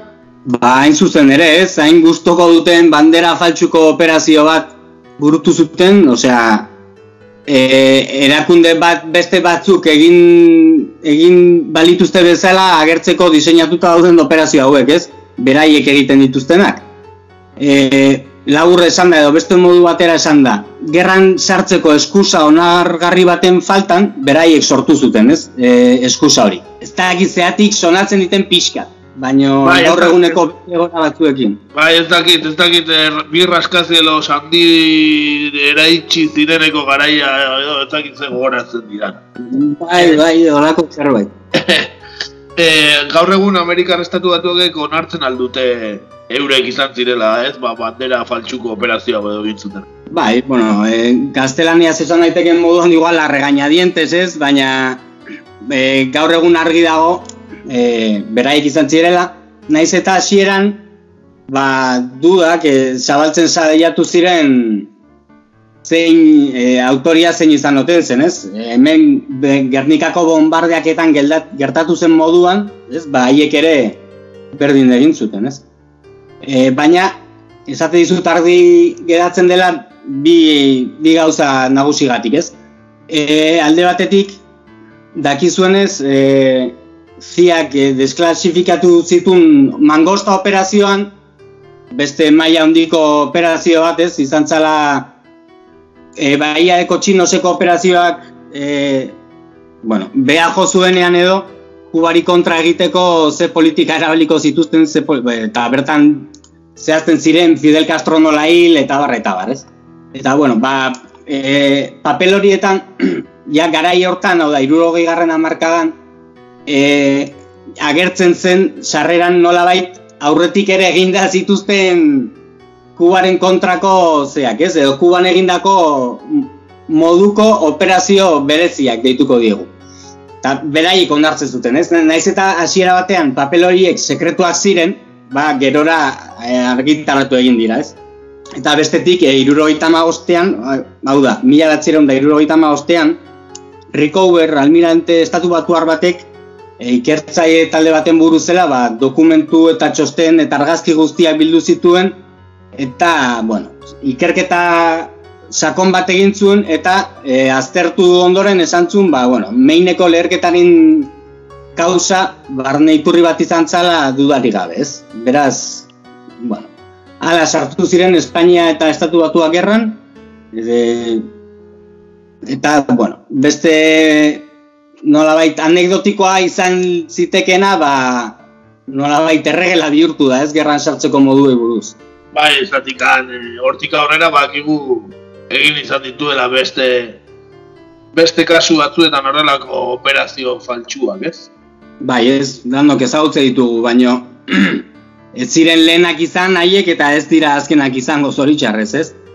Baina, bueno, e, aipatutako mangosta operazioa, gladio operazioa, ez, otanek eta burutu zutena Europa aldean ezker alderdiarra, eh, alderdiko jendea bakolpatzeko, eta bar, Irakiko gerra nola sartu ziren, ez? E, almen handiko bombak eta armak zituztela esanez, eta bueno, baina nola bait, e, anekdota hau edo Kuba eta Estatu Batuen arteko gerra ere e, islatzen du nola bukatu zen, ez? Hasi zen bu, bezala bukatu zen gerra, ez? E, fartxa batekin.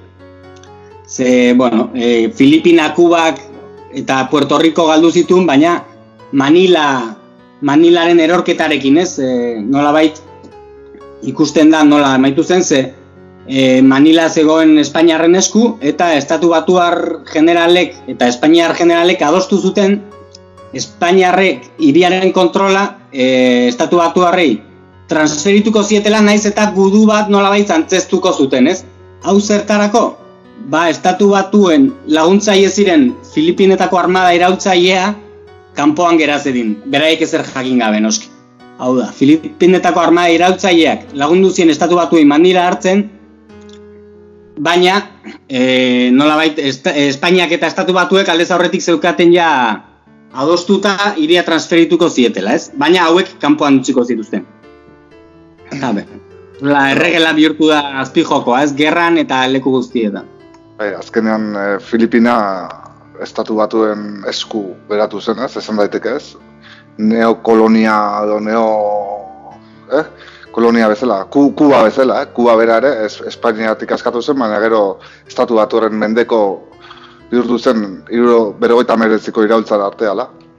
Bai, ala da, eta, bueno, gero, pentsatu eh, Puerto Rico oraindik ere Estado Libre asociado, ez, izaten jarraitzen duela, eta edo Guam bezalako isla horrek, Pazifikoan dagoen isla oso estrategiko batek, bertatik egin zituzten froga, lehengo froga, bueno, froga nuklear handienetariko batzuk estatu batu harrek, hori Espainiarriaz, Espainiarra zen eta gaur egun oraindik ere estatu batu harra da, ez?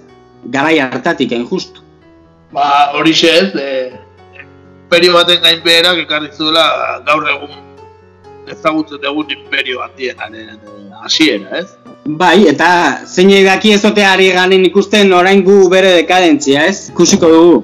Hala izan da dira. Lehen txinarekin, ala? Horri da, baina harin mesez. Eh, Erromatar imperioak ia mila urte iran zuen, eta eh, Amerikarrak egun urte bakarrik iran barri gu. Ba, gizartea, gizartea gero zeta azkarrago doa, dan aldatzen da. Azkarregi. Baina, bueno, horretik eh, emango du lanak, eh? Imperio errek erortzen, eh? Bai, bai, bai. luze jungo da. Bai, baina, eta erortze prozesu horretan, ze, hortan barneratuta dagoela nik uste dudarik ez dago. Baina erortze prozesu hori izaten da latzena eta ez garrak ateratzen dituzten momentua. Dana ez galtzeko beldur horrek, ba... Basurde zauritua bezala, ala? Hori da, basurde zauritua bezala, ez? Kusiko dugu ze, ze anekdota berri eskaintzen dizkigun estatu batuek. Bai, hori da. Egia esan, e, dimentsat aspalditik oso aspertuta dauka e, Amerikako estatu batuakek era guztietara eta ekarri duguna bestiak hori xe dio, ez da? Hori da. I'm so with the USA, ez da? E, The Clash-ena. The Clash, talde bikaina ekarri dugu omen alditxo bat, emateko geure buruari, ez da? No, eske, an anekdota, anekdota moduan kontatzea hasieran abestia I'm so bored with you deitzen zela, eta eta Joe Strumman agertu zela behin eta esan zuela, nola ke with you, with the USA, eta letraren zati bat aldatu ziola. anekdota moduan. Ba hori xe, hori txentuko dugu, de klasen I'm so bored with the USA.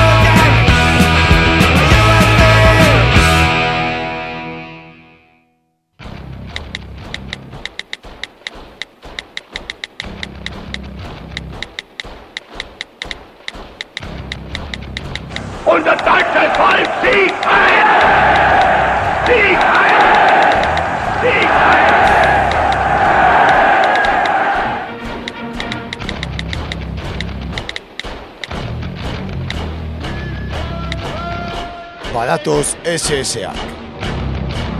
Sare sozialetan egur.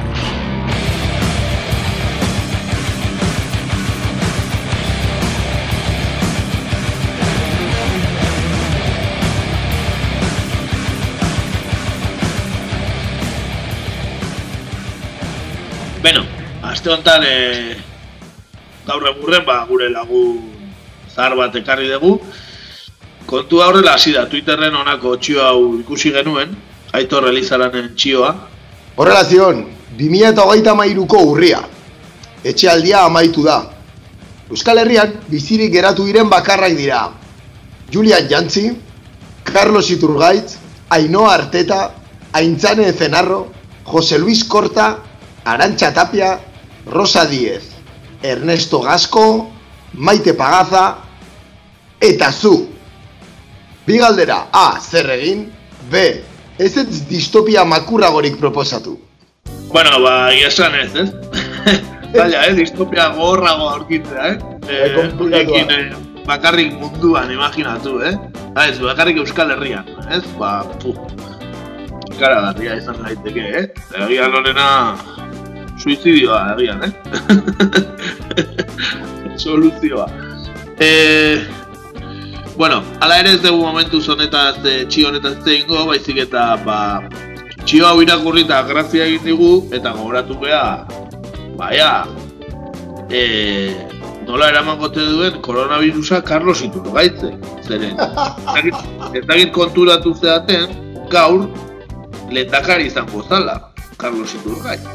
Ka, eske, karo, karo, gara, egia da, planen arabera demokrazia irabazi zuen eta bera izango zalen dakari. Hori da, hori da, zehazki atzo ez, gaur eh, aprilak seian ari gara grabatzen, atzo hauteskundeak izango ziren eh, autonomia erkidegoan, eta noski, guk argi daukagu, Carlos Iturgaitek irabaziko zituela hauteskundeak. Hore, zalantza gutxi zegoen. Beraz, eh, Koalizio honek irabazteko grinarekin sortu zen, ez? Eta hortara zioan. bai, bai, argi eta garbi, eta orduan, ba, bueno, betxau dugu, a ber, eh, pandemiaren kontua be, ba, nola gara matzan Carlos Iturgaitek, ez? E, jakin nahi izan dugu. E, esan, pandemia hasi zenera, noen dio, ba, ez diola eman garrantzia handiegirik, eh? Oraindik jarraitzen zuen e, bere tonoan, esaten, eh, hace dos semanas Urkullu homenajeaba a víctimas del terrorismo. Ayer su partido se alineaba en Estella contra, con tránsfugas del PSOE para dar la alcaldía a los verdugos de las víctimas. Bildu. Como siempre el PNV, una vela a Dios y otra al diablo. Nueva humillación a las víctimas. Bueno, pere, pere, pere Tonoan, ¿eh? Carlos clásico, un clásico, apa, eh, Carlos.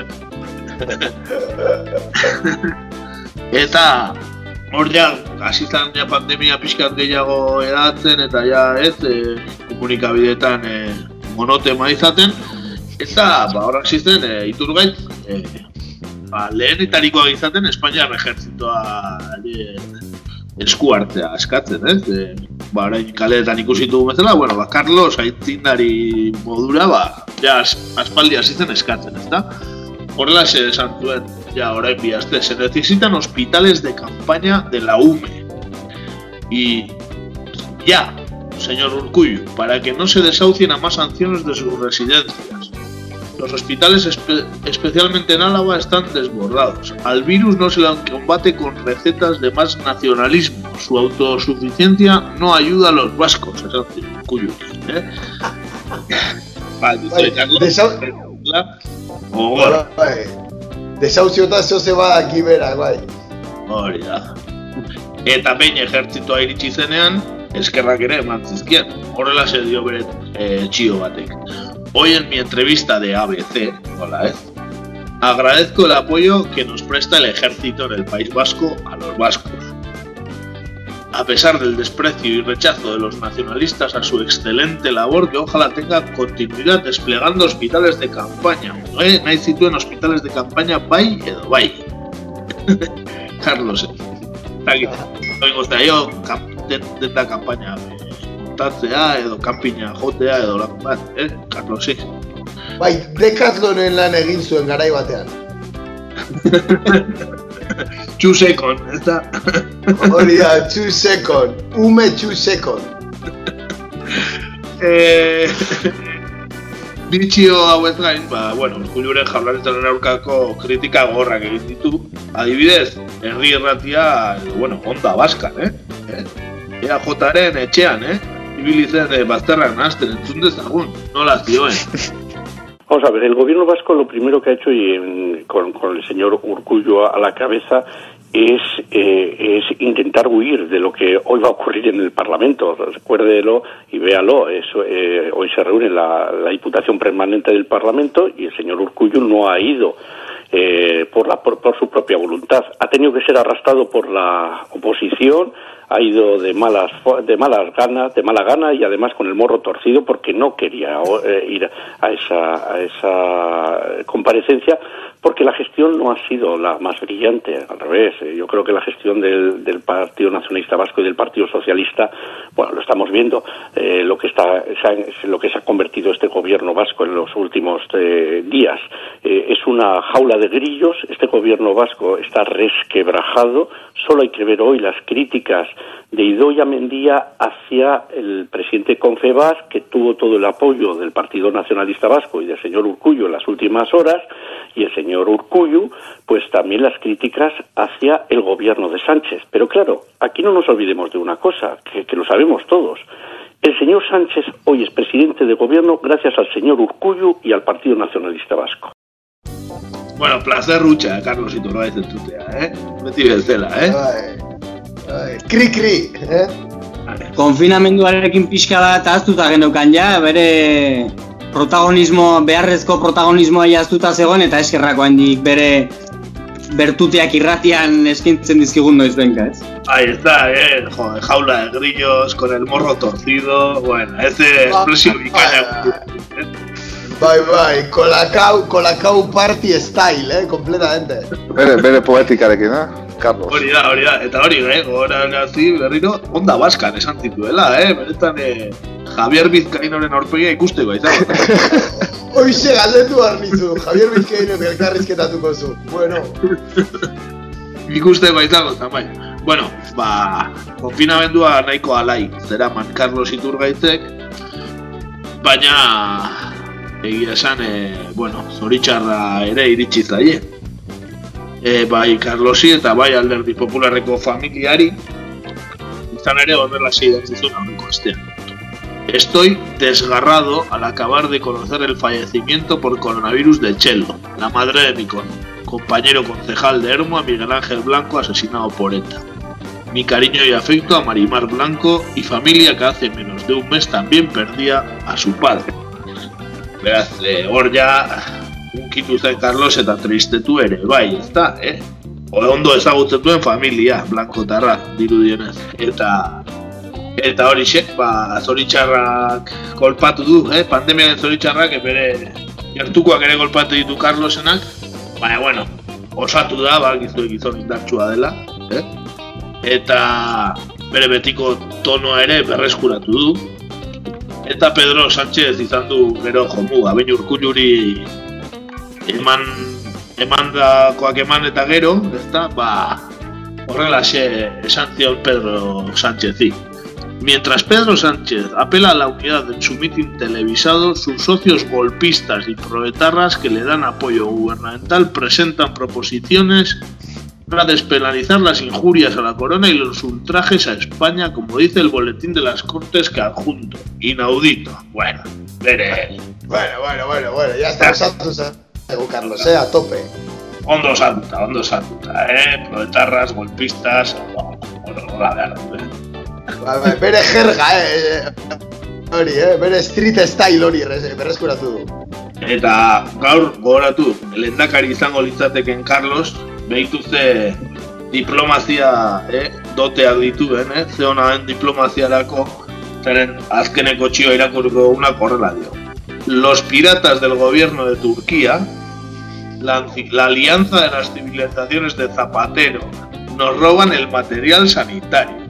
los chinos venden a Pedro Sánchez test defectuosos y las recomendaciones de la OMS y la UE contra el virus guardadas en un cajón desde enero. Desastre de gobierno. Bueno, mi cara, ¿eh? Carlos da supremo. ¿eh? Los piratas de Turquía.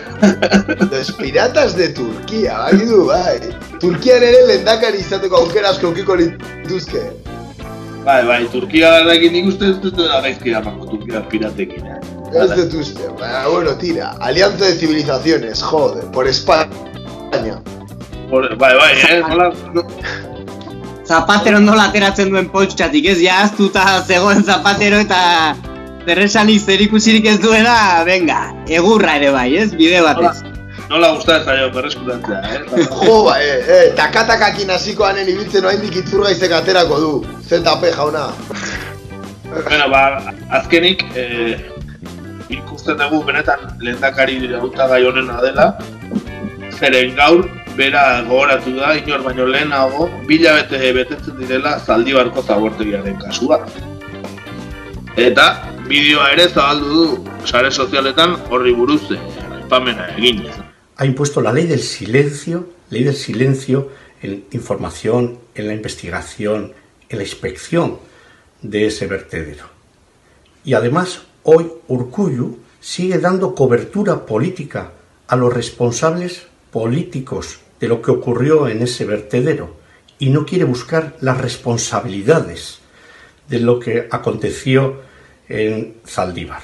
Por eso le exigimos al señor Urcuyu que se encuentren a los cuerpos lo antes posible y sobre todo de información veraz a la familia que lo está exigiendo y a toda la sociedad de lo que está ocurriendo en el vertedero de Zaldívar desde hace ya dos meses. Gogor, gogor, areta gehiago jakin da gaur ez, ikustean ez, ba, bueno, uste eh, Joaquin Beltranen eh, autoa aurkitu omen dutela, ez? Ez, Alberto Soal. Ah, bale, ados, ados, bai irudiez aurkitu omen dutela. Joaquin Beltranen alengo azten aurkitu betuten eta ez ziela lagundu gorpua Ah. aurkitu. Bueno, albiste bat da, baina... Bai, bai, baina ez doa urrutirago, ez, ez. Momentuz ez. Bueno, ba hori, Carlos ekarri nahi izan dugu, ba hori, gaur lehendakari izango zelako, eta ba, ea, nola zebilen, ez da? Eh? Eh, hauteskundeagik ez dagoen, eta eta atzeratu dira, eta kanpainarik ez daukagun, ba, bentsat gogoratzeko, eh? Nola dabilen gure Carlos maitea. Gogoratu beharrekoa da, ez? Baina nik uste kasadok hemen eduki dula kalkulu faio bat edo erraketa bat ze pentsatzen zuen ja gaur izango zala presidente edo lehendakari, baina ez dakigu noiz izango den oraindik eta luze ezazke utziz gero nik uste kaka egin utzi behar duela, ez? Partido Popularrak gutxi gehatzen zaion dignitate gutxia Euskal Herrian ja, vamos. Ez, e, zait Casadoren estrategiaren kontra ere doala, ez? Horrelako hitzekin eta hain hain belikoso jarrita eta ez dakit ez digu kalte gehiago egingo on baino, baina bueno, gure Carlos bere eragin naturalenean. Ba, bai, nire gati bentsat izan dedila alderdi popularreko hautagai betirako, eh? Betirako. Bai, bai, forever, forever, bai, bai, bai, bai.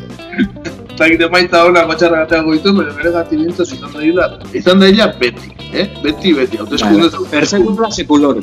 Hori da, hori da. Eta municipaletan bilbora balkaterako eta eta tako da. Bai, bai, bai, bai. Guri irratsaioari dagokionez, bueno, Mariano Rajoy gutxitako utxune errepara ezin hori, ba, bueno, Carlos Iturgaizek bete du, ez da, ba, eskerrak, eskerrak. Bueno, ba, maiteko, e, Twitter galdera zabalduko du nahi badezue. E, gogoratu, aurreko astean galdetu genula ea zer desinfektaretzera bidaliko zenuketen umea, ez? E, militarren, eh, ez, e, unitate hori. Eta, bueno, e, lehenengo aldiz gaur egurren e, zabaldu dugu bi bidetatik inkesta. Bai Twitterren eta bai Telegramen. Ez? Zabaldu berbera horrek batean. Eta gaitonaren Telegram kanalean. Eta, bueno, kuriosoa da, baina bietan Sabine etxeak irabazi du. Eta, bueno, ez que kriterio antekoa dute, bai Telegramen bozkatu edo Twitterren bozkatu.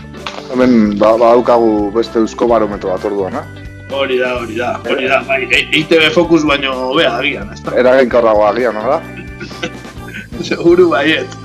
bueno, ba, hortxe bidaliko dugu, galdera gaur ere bi kanaletatik, eta lehen aipatu dugu modura Euskal Herrian eh, bakarrik eh, Aitor Elizaranek esaten zizkigun pertsonaia geratuko badira, bueno, aguri okurritu zaigu, ea gure entzulek zeinekin nahiko luketen pasatu konfinamendua. Ezta, konfinamendu gara hauetan, ba, bakarrik egotea baino, agian nahiago, ba, norbait honean, kompainia honean. Kompainia honean. Alde batetik izan daiteke, gure gaurko protagonista Carlos Iturgait, ezta? Era, Pascal Osteak ere, eh, animatuko lizkiguke akordeoiarekin, ezta? Soinu jode bikaina baita, eta gero aparte, izango genituzken elkarrizketa luze eta sakona, ezta? Ui, eta auzoki dentzago ere poza galanta, eh? Hore, akordeoia, eh? Ja, balkoian jotzen, pajarito esporaki, eta abar, ezta? Eta, bueno, batetan, politxa izan daiteke. Eh, bestetik izan daiteke inigo urkullu, eh? Be, benetan ez daguna bere humore eta eh, txisteak kontatzen oso ona galako, eh? Hor, eh, hor egin daiteke goimaiako robotika kursillo bat agian, ez? bai. Balentera bitartean. Uste oso ondo imitatzen dula Eugenio, eta hola, Eugenio. Ah, bai, bai, bai, bai, bai. Chispa, Marianiko. Marianiko el corto da, no, esan? Bai, bai, bai. Mainuko harta imitatzen da hola oso tamela, uste. Bera, ez dut inigo urkullu, bestetik, eh, inoiz, nundik aterakoen ez dakizun rosa di, ez? Ez da? Horrekin, oh, yeah. bakoitza bai dala desberdina, eh? Bai, bai. Benetan, eh, hori bai dala, eh, montaña rusa, eh? Emakume. Bai, bai, bai. A- Astelenean elektroa entzuten gau osoa eta eta aste artean musika klasikoa, ezta? Hori da, hori da. Gero zer gerta daiteke. Bego zer gauza. Hori izango zen irugarren aukera, eta laugarrena, bagian konfinamenduaz gehien dakien eh, pertsonetako bat, ezta? Eh? Horte galara, berbera, ezta? Eh, dirudienez, prentxak ere galdetu omen dio, konfinamendu garaietan zer egin daitekeen, ez? Hala da, ez, abe, agertu da e, ba, entrevista bat, eta, bueno, ba, gogorra egiten ari bazaizue konfinamendua, et, ba, hor dauzkazu ez. E, merke, merke bere, bere esperientzia guztiak. Beraz, bueno, Hortaz, after safea bukaerarako utziko dugu, ezta?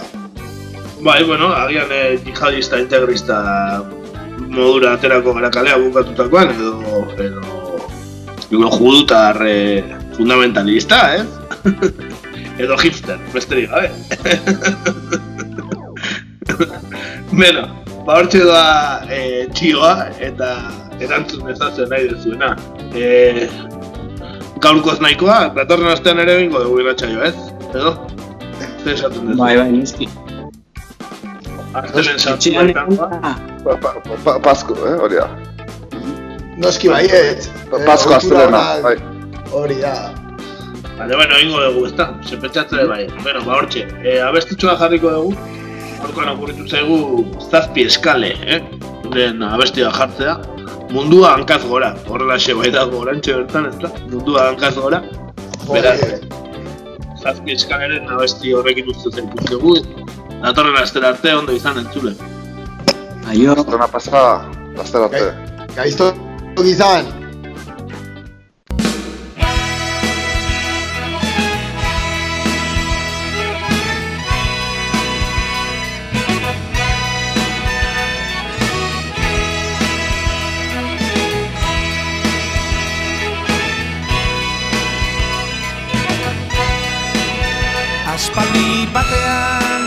San George mendira. Traskil talde bat heldu zen borondatea zaltzera Lur jabe talege oro desafiatuz. Deus ez zeukatenak eurenak eskatuz. Pakean gatoz zioten lurra lantzera. Lur idor hau ere itera Guztion artean lur zatitu hau batuko dugu. Guztionzako altxorra izan dadin. Propietatea mespretxatzen dugu. Inoke eskubiderik lurra salduta erosteko odolez ziguten lurra kendu. Orain ormak jaso zeuren agindupean